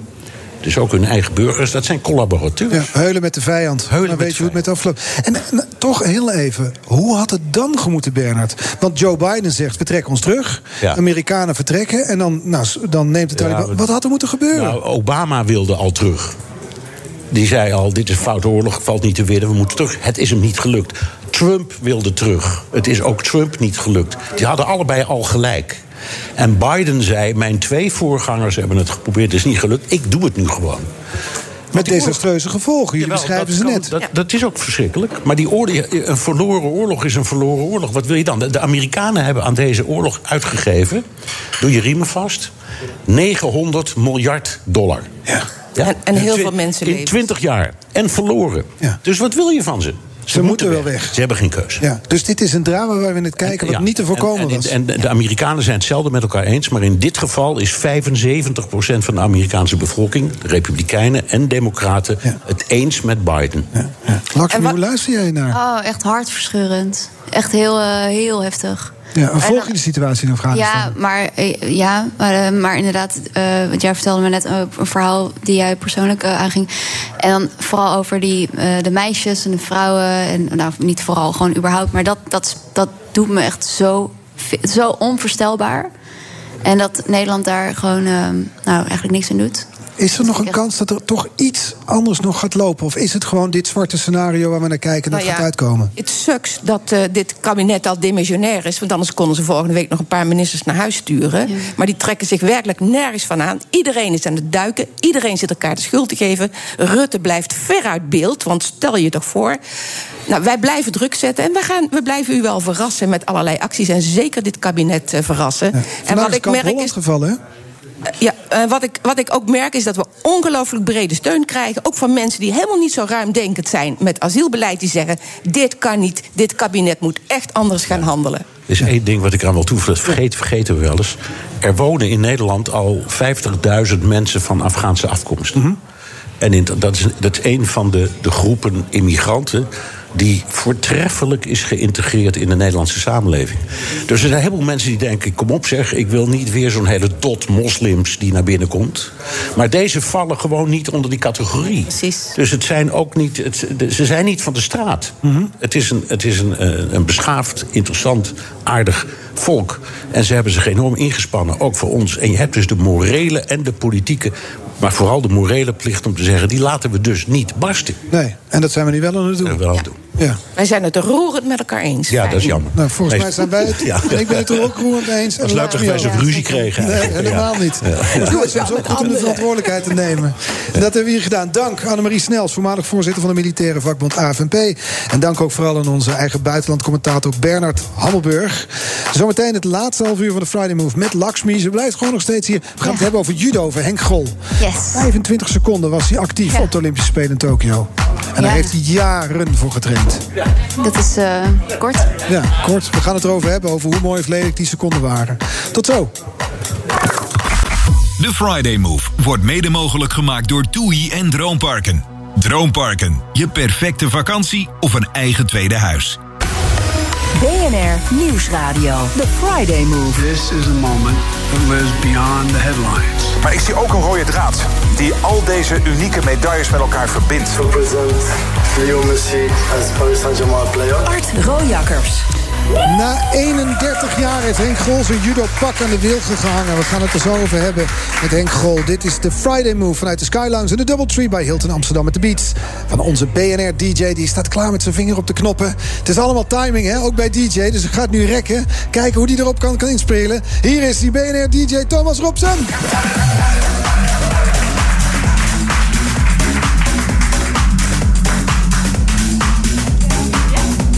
Lakshmi. Yes. Je krijgt een glas witte wijn. Dus Jij ook. Een mooi moment om te Lekker. vragen wat jij aan sport doet. Oh, heel veel.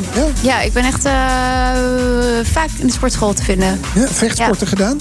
Contactsporten? Nee, het is al wel goed voor me geweest, maar niet, niet gedaan, nee. Nee, ik ben dus, we hadden het over ons verleden. Basisschool, pestverleden. Ik heb er altijd spijt van gehad. Mijn ouders hebben op een gegeven moment gezegd... je moet op judo, jongen, want dan Ja. kan je jezelf een beetje verdedigen. En zelfs dat durfde ik toen niet. Nee, ik had met kickboksen. Ja. Durfde ik ook niet. Maar ik denk dat het ook kwam dat ik bang was dat ik mannen als Henk Grol zou tegenkomen. Ja, dat zou ik Je ook moet je niet. voorstellen tegen zo'n beest Ja, dan dat kan de mat op goed. moet. Hij is hier, judoka Henk Grol. Vers terug uit Tokio. Onze Olympische held, want daar ben je nog steeds. Let maar op, je krijgt applaus. Henk Grol. Henk, welkom. Ja, dankjewel. Je zei het, ik ben voormalig judoka, hè? Ja, ik ben gestopt, gepensioneerd. En wat houdt het in? Moet je dan ook allerlei papieren tekenen dat het voorbij is? Ja, ja, we hadden natuurlijk net een gesprek over. Ja, ik heb me uitgeschreven bij de dopingautoriteit. Ja, het is nu officieel klaar. Ja, en dan is het ook gewoon echt voorbij. Ja, het is echt voorbij. Ja. Ik besef het misschien nog niet helemaal. Ik ben nog bezig met de verwerking van, eh, van het verlies. Maar eh, ja, 36 jaar, het is genoeg geweest. Ja? Ja, het is mooi. mooi ik denk dat ik een mooie carrière heb gehad. En eh, ik kijk uit naar een nieuw leven. Het is mooi geweest. Ik weet, kijk, ik presenteer ook de Big Five hier op BNR. En volgens mij spraken we elkaar na iets minder dan een jaar geleden. Toen was je dus nog op weg naar de Olympische Spelen. En toen vertelde je ook over ja, wat voor worsteling dat leven kan zijn. Hoeveel je er wel niet voor moet doen voor die, voor, voor die sport. Nou ja, laat, laat ik voorop eh, stellen dat we niet in de steenkolenmijnen zitten. Het, eh, het was vrijwillig. Ja. Maar het laatste jaar, als je het ouder wordt, dan is het wel erg hard werken. Het gaat niet meer vanzelf. En ook mentaal wordt het wat zwaarder. Kun je dat jaar voor Tokio eens beschrijven? Nou, wat je ervoor moest doen? Het mooiste verhaal is dat ik altijd naar Papendal... als je binnen, binnenrijdt eh, op Papendal, dan zie je dat bord... en dan worden de dagen afgeteld. En toen zag ik op een gegeven moment natuurlijk nog eh, iets van 180 dagen... En dan ben je- ging hij weer naar 360 dagen. Schoof het weer op. 365. Hij zelfs meer 380. Dus ja, toen dacht ik wel, jezus, ik moet nog een jaar door. Maar het was ook wel mooi. Het was ook een strijd. En eh, dit is wel wat het is. Ja. Maar die strijd was met jezelf. Want je moet ook gemotiveerd blijven. Of was dat het probleem niet? Ja, zeker is dat. en dat is periodiseren. Hè. Dus heel goed plannen wanneer je hard traint, wanneer je rust neemt. En eh, je wedstrijden heel goed uitkiezen. En eh, daar, daar kwam ik heel goed mee weg. Eigenlijk in die voorbereiding heb ik eh, hele goede resultaten geboekt. Ja. Het was ook een gevecht tegen de kilo's altijd voor jou, toch? Nou, ik, was natuurlijk nu, ik ben nu zwaar gewicht, maar in het verleden wel. Ja. Ik heb heel lang moeten afvallen. En dat vond ik nooit heel erg leuk. Nee, want daar moest je veel voor laten. Nou ja, dat was een sober leven. Hard trainen was al sober. En dan vond ik dat ik, ik begon hier, dat vond ik het eten wel een soort van beloning voor, voor het harde werken. En dat kon ik mezelf dan heel vaak niet geven. Dat vond ik vervelend. Ja. En eh, ja, na die jaar was ik daar klaar mee. Toen eh, dacht ik van, nou, nu eh, word ik gewoon zwaargewicht. Ja, en het is gelukt. En dan blijf je dus trainen en trainen. Dan wordt die Olympische Spelen worden ook nog eens een jaar uitgesteld. Dus je, je moet die motivatie blijven houden. En dan stap je op zo'n vlucht naar Tokio. Met, met welk gevoel zit je dan aan boord? Ja, ook wel best wel zenuwachtig. Omdat je weet dat het, het, eh, je laatste kunstje gaat worden. En eh, het lichaam hangt ook een beetje aan elkaar. Ja, het moet allemaal goed gaan. Hou eens op man, je bent de topvorm. Je zit hier tegenover twee vedergewichten aan tafel. Wat een beest ben jij. Ja, het is allemaal schijn. Maar goed, eh, ik, het stond er prima voor. Maar ja, goed, dan heb je ook nog wat corona-gedoe. Wat echt, ja, ook eh, voor vertrek nog een vals positieve test. Waar je ook weer stress van krijgt. Oh, echt? Ja. Oh, wat een ellende. Ja, op maandag, eh, ik zou op donderdag vliegen en op maandagavond eh, in Arnhem werd ik gebeld door, de, door mijn trainer dat ik positief getest was. En toen dacht ik, nou, dit, dit, dit meen je niet, dat kan niet. Ik heb corona gehad, ik ben gevaccineerd, ik geloof het niet. En dat was gelukkig ook vals positief. Ja, maar dan zie je in één keer daar al je Olympische droom uiteenspatten dus. Ja, dat was wel het allerergste geweest. Ja. Zeker. Ja, was het erger geweest eigenlijk dan wat je nu is Nou, gebeurd? Ja, ik weet niet. dit was ook niet het, eh, het scenario wat ik zelf eh, aan had gedacht. En eh, ja, je kan hierdoor winnen en verliezen. En ja, het was helaas heel snel klaar. Ja. heel erg jammer. 25 seconden. Heb je teruggekeken? Nou ja, ik heb het wel hier en daar voorbij zien komen. En het doet heel erg pijn. Ja? Ja. Kun je er wel over vertellen? Nou ja, ik wil er best over vertellen. Maar ja, het is 25 seconden. Wat vind ik dat ik daarover zeg? Kun je die 25 seconden beschrijven, hoe jij die hebt beleefd? Nou ja, goed. eh, eh, ik ben altijd heel gespannen zo'n dag. En eh, ja, je hebt gewoon focus. En ik twijfelde één moment en dat werd afgestraft. Ja. Weet je hoe, waar die twijfel vandaan kwam? Ja, nou ja, ik twijfelde of het links of rechts ging komen. Ik denk dat mijn coach hoorde die woest wordt. Maar het goed doorgesproken, ook getraind. Ja, de meeste zwaargewichten zijn niet, kunnen niet zo goed gooien of zijn niet zo dynamisch. En deze jongen was ook denk ik niet zo heel zwaar, 120 kilo. En eh, ja, die kan heel goed op zijn knieën springen. En ik twijfelde één moment en dan is het klaar. Ja. Dat, dat, dat mag niet in judo. Nee, die twijfel mag niet. Nee, zeker niet. Had je die twijfel al eerder in je carrière? Ja, ik, heb gewonnen, ik heb verloren, ik heb alles meegemaakt. Mijn blessures. En Natuurlijk is er altijd twijfel in topsport. Alleen eh, vaak kom je die eerste ronde wel door. En dan, en dan groei je in zo'n toernooi. Mhm. En nu was gewoon één fout. Ja, zo hard kan sport zijn, dan is het dus voorbij. Ja, dat is het, dat is het ergste scenario voor een topsporter. Als judo heb je natuurlijk geen tweede kans. En eh, jij wil, ik, wil, ik zou het graag willen overdoen. Ja. Maar dat gaat niet meer. Nee. Dus eh, daarom, eh, nu kijk ik gewoon naar de medailles die ik wel heb gewonnen. dat zijn er nogal ook wat, hè? Ja, ik was 36, ik ben, op mijn 36 stond ik nog in het Hol van de Leeuw in Tokio. Ik heb mezelf daarheen geknokt. Ik ben dit jaar nog twee op het EK geworden, derde op de Masters. Ik heb de laatste vijf toernooien vier keer op het podium gestaan. Wat eigenlijk een sterker deelnemersveld was dan de Olympische Spelen. Daar ben ik gewoon hartstikke trots op. Mhm.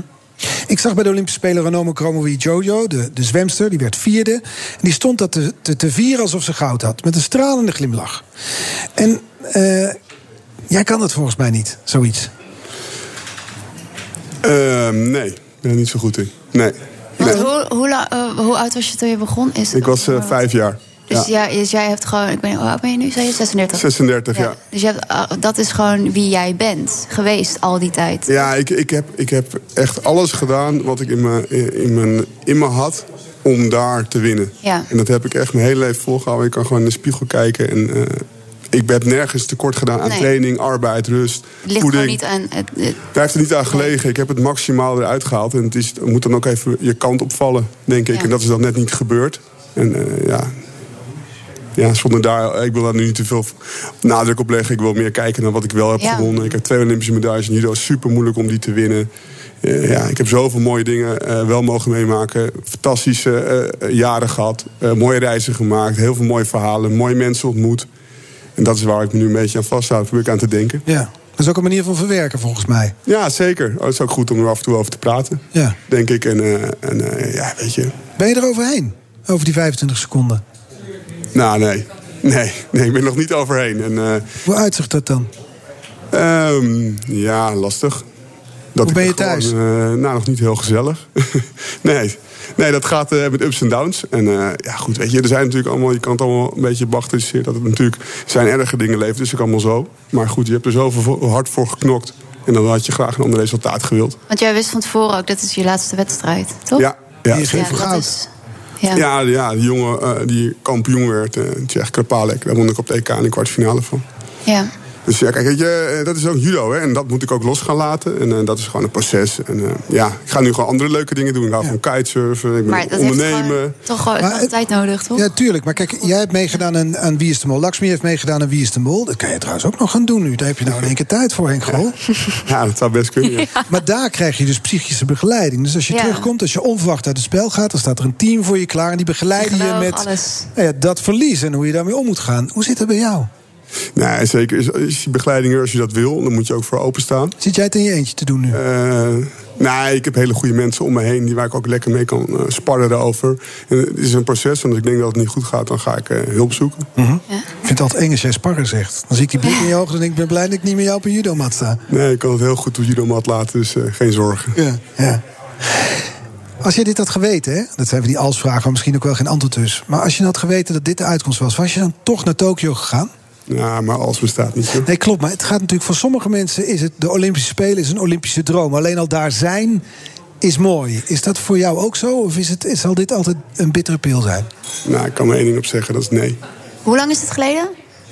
Hoe lang, wanneer, hoe lang? Ja, ik denk anderhalf week geleden. Ja, niet, oh mijn god, ja, natuurlijk is- zeg je dan nee. Nee, daar, daar, daar zou ik het absoluut niet voor doen. Ook omdat ik mijn lichaam in de weegschaal heb gelegd. En echt enorm. Want ik heb, Hoe bedoel je dat? Eh, nou, ik heb gewoon blessures in- in- door al die jaren. En judo is een contactsport. En je, je loopt gewoon dingen op, slijtage. En des te verder je gaat, des te groter het risico wordt... dat je blijvend letsel overhoudt.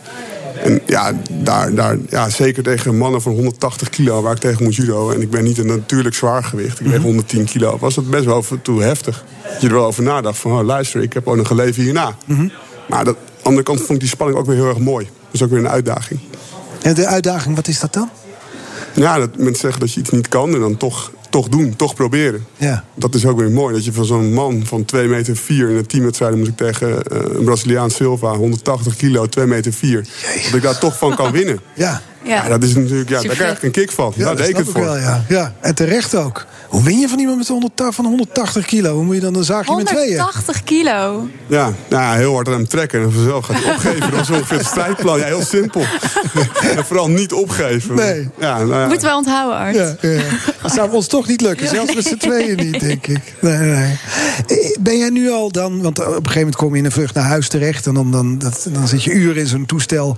niet alleen van die saaie films te kijken, maar toch ook een beetje na te denken. Hoe, hoe denk je dan over je carrière? Over dat waar je leven tot nu toe aan gewijd hebt? Nee, ik wil gewoon trots zijn op wie ik ben en wie ik geworden ben. Ook door judo en ook door- op mijn medailles. Alleen, kijk, het, nu overheerst nog dat verlies. Dat is nog te vers. Maar uiteindelijk ga je natuurlijk, hoop ik, een helikopterview krijgen. Dat je denkt van ja, het was ook wel heel mooi. En ik hoop dat ik andere mensen ook kan inspireren om dat ook te gaan doen. En topsport was gewoon prachtig. Maar die, want die, die 25 seconden, daar kun je ook mensen mee inspireren. Dat gaat ook bij je verhalen horen vanaf nu. nou, jij doet me er wel pijn mee de hele tijd. Je hebt het al vier keer gezegd. Het doet pijn als ik het, ben- als ik het benoem. Ja, nee, maar goed, het is wat het is. Het is de realiteit. Hè? Dus dat zie ik ook onder ogen. En eh, ja, tuurlijk. Ik had, dan- ik had gewoon. Ik ben iemand ook die graag laat zien. Ik wil graag strijdend ten onder gaan. Precies. En niet met een nippon heel snel. Maar goed, ik wil graag lang laten duren. En ik wil laten zien dat ik, dat ik het aan kan. Heb je nu ook dingen dat je denkt, oké, dan ga ik nu eh, dit doen? Ja, Wat dat, je gewoon al 30, meer dan 30 jaar niet had kunnen doen. nou, dat probeer ik wel. Dus dan, dan ga je één avond nog te veel drinken. En denk je van, ja, Maar dat is uit pure zou ellende, niet- denk ik dat- toch? Ja, dat is Ja. zoiets, ja. Dat Nee, is ook niet wat ik wil. Of nee. laat naar bed of zoiets. Nee. En dan denk ik, ja, dan word ik ook moe. Dat vind ik ook niet leuk. Nee. En eh, nee, het is gewoon... Je Want bent, het is ik- gewoon je ident het was, dat is gewoon je identiteit geweest. 100 procent. Je Gewoon bent, je hond- bent zoekende. En het gaat ook niet 1, 2, 3 veranderen. Nee. En dat heeft gewoon denk ik, een paar jaar nodig voor ik een heel normaal ritme heb. Ja. Ik ben een, al anderhalf jaar geleden gestart met een sportschool. Eh, ja, In de coronatijd? in de coronatijd is ook niet Oh, ook, geen feest. Dus ja, Ja. dat, allemaal, dat was kan allemaal alleen niet, nog maar bergopwaarts gaan. Ja, natuurlijk. Maar ik ben hartstikke positief. En het komt allemaal hartstikke goed. En eh, ik vind ook zoveel andere dingen in het leven ook leuk. Ja. Ja. Wat is de les van jou? Want je bent ook iemand die zich wil ontwikkelen. Wat is de les van jou van deze laatste Olympische Spelen? Ja, ik, ik, ik vergeet heel vaak te genieten van dingen. En dan mijn, mijn vriendin zegt heel vaak tegen me... Henk, geniet van die spelen met 36, je staat daar nog. Dan zei ik, nee, ik wil hier winnen. Ik ben hier niet om hier rond te lopen. Of Maar daarom ben je een topsporter. Ja, ik ben gewoon echt een topsporter. En dan zie ik mensen die gaan dan pins ruilen. Dat is een soort Olympisch ding. Dan krijg je zo'n speldje. En ja, een speldje van mij. En denk je, joh, die pins, ga weg van die pins. ik wil helemaal geen pins. Ik wil hier gewoon een gouden medaille. De rest interesseert me helemaal niks. Nee. Dus ja, ik, ik ben daar, en dat, dat genieten, dat, dat, is, dat is iets wat ik probeer, probeer gewoon de komende jaren... dat ik daarover na ga denken van wat ik allemaal heb gedaan... maar ook voor de rest van mijn leven. Dat ik probeer er gewoon een beetje het leven te nemen zoals het is. Niet alleen maar terug te kijken, ja, ik had daar moeten winnen... of ik had dat, die keuze moeten maken. Ja, dat kan ik toch niet meer overdoen. Maar dat is een denken wat Laxmi zegt natuurlijk, wat je als topsporter moet hebben. Maar wat je nu inderdaad kan gaan loslaten. En dan toch gewoon ook een trots mag zijn dat je op je 36e daar stond op de Olympische Spelen. Ja, dat, dat is ook waar ik me echt aan vast moet houden. Want meer is er daar ook niet. Dus, eh, en, en dat is die ervaring die, die ik heb meegemaakt. Ik heb het gedaan. En eh, ja, kijk ook wel gewoon af en toe. Dan vind ik het ook mooi om die verhalen aan te horen. En als je erover praat, word je er ook wel weer gelukkig van. Ja, ja. Het is sporthistorie die je geschreven hebt. Nou ja, zeker vier Olympische Spelen is wel eh, heel speciaal om dat mee te maken. En zeker ook nog in het zwaargewicht. Dus ik wisselde van gewicht. Dat is ook een hele strijd. Ik dacht ook mensen, heel veel mensen omheen dat het niet meer mogelijk was. Ja, dan heb ik toch wel weer aan mezelf bewezen dat ik dat wel kon.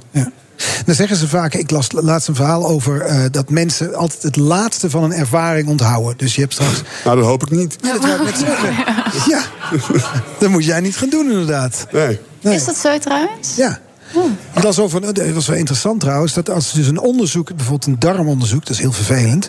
En als, er zijn artsen erachter gekomen, als we dat nou wat langzamer, eh, het apparaat zeg maar, verwijderen, dan duurt het wel langer, maar mensen zijn dan positief over de Een ingreep. feestje vieren daarna, dan onthouden ze dus dat. Ja, dus wel. Dus Ja. we, moeten, we gaan het nu ook positief afsluiten, Henk. Daar wilde ik eigenlijk naartoe. We hebben nog een paar minuten te gaan. En ik wil eigenlijk met jou je carrière vieren. Want het is niet zo dat jij nu een hekel hebt gekregen aan judo, toch? Nee, zeker niet. Nee, joh, dat is de sport die, wat, mij gemaakt heeft. Het was prachtig. Die strijd, strijd op de mat, strijd bij mezelf. Wat was er voor jou in die, die drie decennia die je die sport hebt uitgeoefend? Wat, waar zat hem de schoonheid in? Is dat in woorden te vangen? Nou, ja, ik- ik denk dat het al, elke keer dat ik toch weer zenuwachtig was op zo'n wedstrijd... en dan, dat je dat weer ook weer over, overwon. Dat je toch weer dacht van, dat je denkt, nou, dit wordt niet mijn dag. En dan toch, toch partij voor partij zo'n wedstrijd knokken... en dan toch daar doorheen komen. Dat je eigenlijk tot meer in staat bent dan je eigenlijk zelf denkt. En dat, dat proces dat heeft zich mijn hele carrière afgespeeld. En dat is eigenlijk wel fascinerend. Dat je altijd weer twijfel hebt aan jezelf. Terwijl dat hoeft helemaal niet, maar dat is natuurlijk een mens eigen. En zeker een topsporter, want het is zo confronterend. Als je het stadion loopt, dan kan je niet meer vluchten. En dacht ik elke dag weer, als hier een nooddeur open staat... dan ren ik naar buiten. Dan ga ik weg. Want ik wil dat, dat, die, die strijd niet meer met mezelf. Maar elke keer als ik het deed en ik won weer, dacht ik... oh, dat is ook mooi, man. Die overwinning. Die overwinning, maar die partij voor partij... dat is zo'n, door zo'n judo-dag heen. Dat duurt een hele dag en dan vijf, zes keer tegen zo'n tegenstander. En dan met de hartslag 180 van die mat, helemaal verzuurd, helemaal naar de kloot. En ik, ik wil helemaal niet meer. En dan coach, ja, nog vijf partijen, dan gaan we weer. Ja, je moet van blauw naar wit. Nou, witte pak weer aan, dan stond je weer klaar in die call room. En dan zit je elkaar weer aan te kijken. Dan denk je, ja... En daarna zo'n dag denk je, ja, dat was mooi. Maar, maar de dag zelf was verschrikkelijk. Ja, dat is heel gek. Het is, het is eigenlijk... Ons brein is zo gecompliceerd. Ja, dat is ook weer fascinerend. Heb jij dat ook voordat je het podium opstapt? Ik heb eh, laatst in een interview zei ik ook. eh, eh, voor mijn première dacht ik. Ik hoop dat ik nu flauw val. En dat ik over drie weken wakker word uit coma. En dat ik dan zeg: Oh, sorry, ja, ik zal lag in coma. Ik kon er niks. Ik eh, weet dat je gewoon wil vluchten. Ja. Dus Heb je denkt, ook het, waarom het dit? overwinningsgevoel als het dan wel lukt? Extreem, ja. Die kick is... Maar die duurt dan wel kort, maar die is wel fantastisch. Ja, die is echt. Dat is, dat is, echt- ik heb nooit glunderen. gebruikt, maar dat is wel echt waar het valt de normale mensen niet uit. Maar, maar uh, mijn vriendin die denkt altijd dat ik dat heel leuk vind, die wedstrijd. Ik zeg, nou schat, De hel natuurlijk. dit is niet fantastisch, weet je wel. Ik heb wat Loopt leuke dingen van gedaan, maar het is 180 kilo aan me te trekken. Ja, zei, dat is toch mooi man, die mat in het stadion, dan ga je altijd mis. Ik zeg, nou schat, eh, Dat niet hoor. het valt wel mee. Nee, maar wel het gevoel dat zo'n dag je geeft. Ja, zeker. En dat- dat je dan ook gewoon eh, s'avonds in je bed niet kan slapen. Alles doet pijn. En dan toch dat je dat mooi vindt. Ja. En dan in zo'n vlucht naar huis en dat je niet weet hoe je moet zitten en liggen. En, dat je- ja. En dan toch de volgende keer dat weer doen. Ja. Dat dan gewoon honderden keer in je leven doen. Super vet. Toch? Super vet. Ja. Kun je, eh, ja, is het besef ingedaald dat het voorbij is? Hm, eh, nee, het is alleen eh, dat ik dat kan vertellen. En ook omdat ik die, eh, zeg maar, ik heb me uitgeschreven bij. Ik heb mijn aanstatie ingeleverd, ik ga mijn auto inleveren. En ik heb me uitgeschreven bij de dopingautoriteit. Dus ik kan ook niet meer terug. Dat wil ik ook niet, want het is gewoon klaar. Maar dat was voor mij, ik ben heel rigoureus. Als het zo is, dan moet ik ook doorhalen. Dus die auto wil ik vanaf. Ik, het moet gewoon- voorbij zijn. Het moet eindigen hier. Ja. En dan kan ik gewoon eh, ja, het, proces daarvan verwerken. Ja, Ja, want dan pas heb je echt mentale ruimte, denk ik, om echt. eh, ik denk, voor mezelf is dat wel zo. Blijf je judoën? Nee. Nooit meer. Nou, ik denk dat het niet verstandig is. Ik heb gewoon te veel last van mijn lichaam. Hm. Dus ja, misschien op de club. Maar op dit moment sta ik daar niet voor open. Maar misschien dat ik het wel weer ga doen. Maar je ziet vaak als mensen nog dan een paar jaar later nog. Dan de blessures komen. Ja, dan scheurt ze nog een kruisband of een Ja. hernia of iets. En denk je, ja, wat is het dan nog waard? Ja. Je was vijf toen je begon, toch, met judo? Ja, ja. Dat is, een, eh, ja, ja, het is ongelooflijk. Ongelooflijk. Ja. Weet je nog het gevoel, die eerste keer dat je die mat opstapte? Dat weet ik niet, maar ik weet wel mijn eerste wedstrijd dat ik verloor. Dat ik echt woest was. Ja, ik denk ook vijf of zes. En ik kan nog vaag eh, beelden binnen, komen er binnen van de sporthal. Mijn moeder, maar dat flitsen. Ja. Maar ja, ik heb heel veel herinneringen natuurlijk. Maar ook echt super mooie verhalen in het buitenland. Dat ik echt denk, waar ik nu echt onder de tafel lig van het lachen als ik aan denk. Dus dat, dat, dat, is ook, ja, dat is ook sport. Het was een rijke, volle carrière, Ja, weet. Grol. Ja. Maar Ja, een boek inderdaad. Ja, drie decennia. Ja, mijn vriendin probeert de hele tijd bij me aan te praten. Ik heb altijd gezegd, ja, ik goed. zo'n slap sportboek. Hou op man, er zit niemand op Henk Grol te wachten. Op zijn Nou, vrouw. ik denk het eigenlijk wel. Ja. Ja.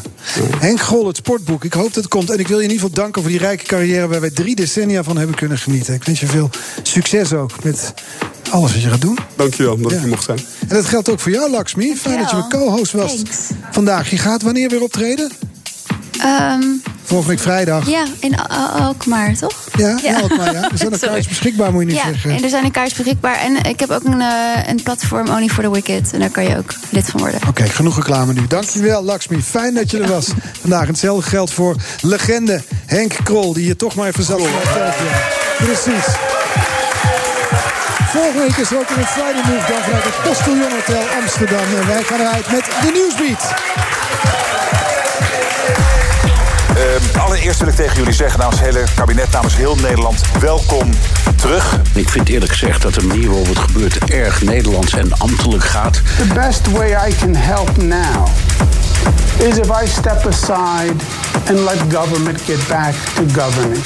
Ook vandaag verscheen het nieuwste klimaatrapport van het IPCC. This is a moment that lives beyond the headlines.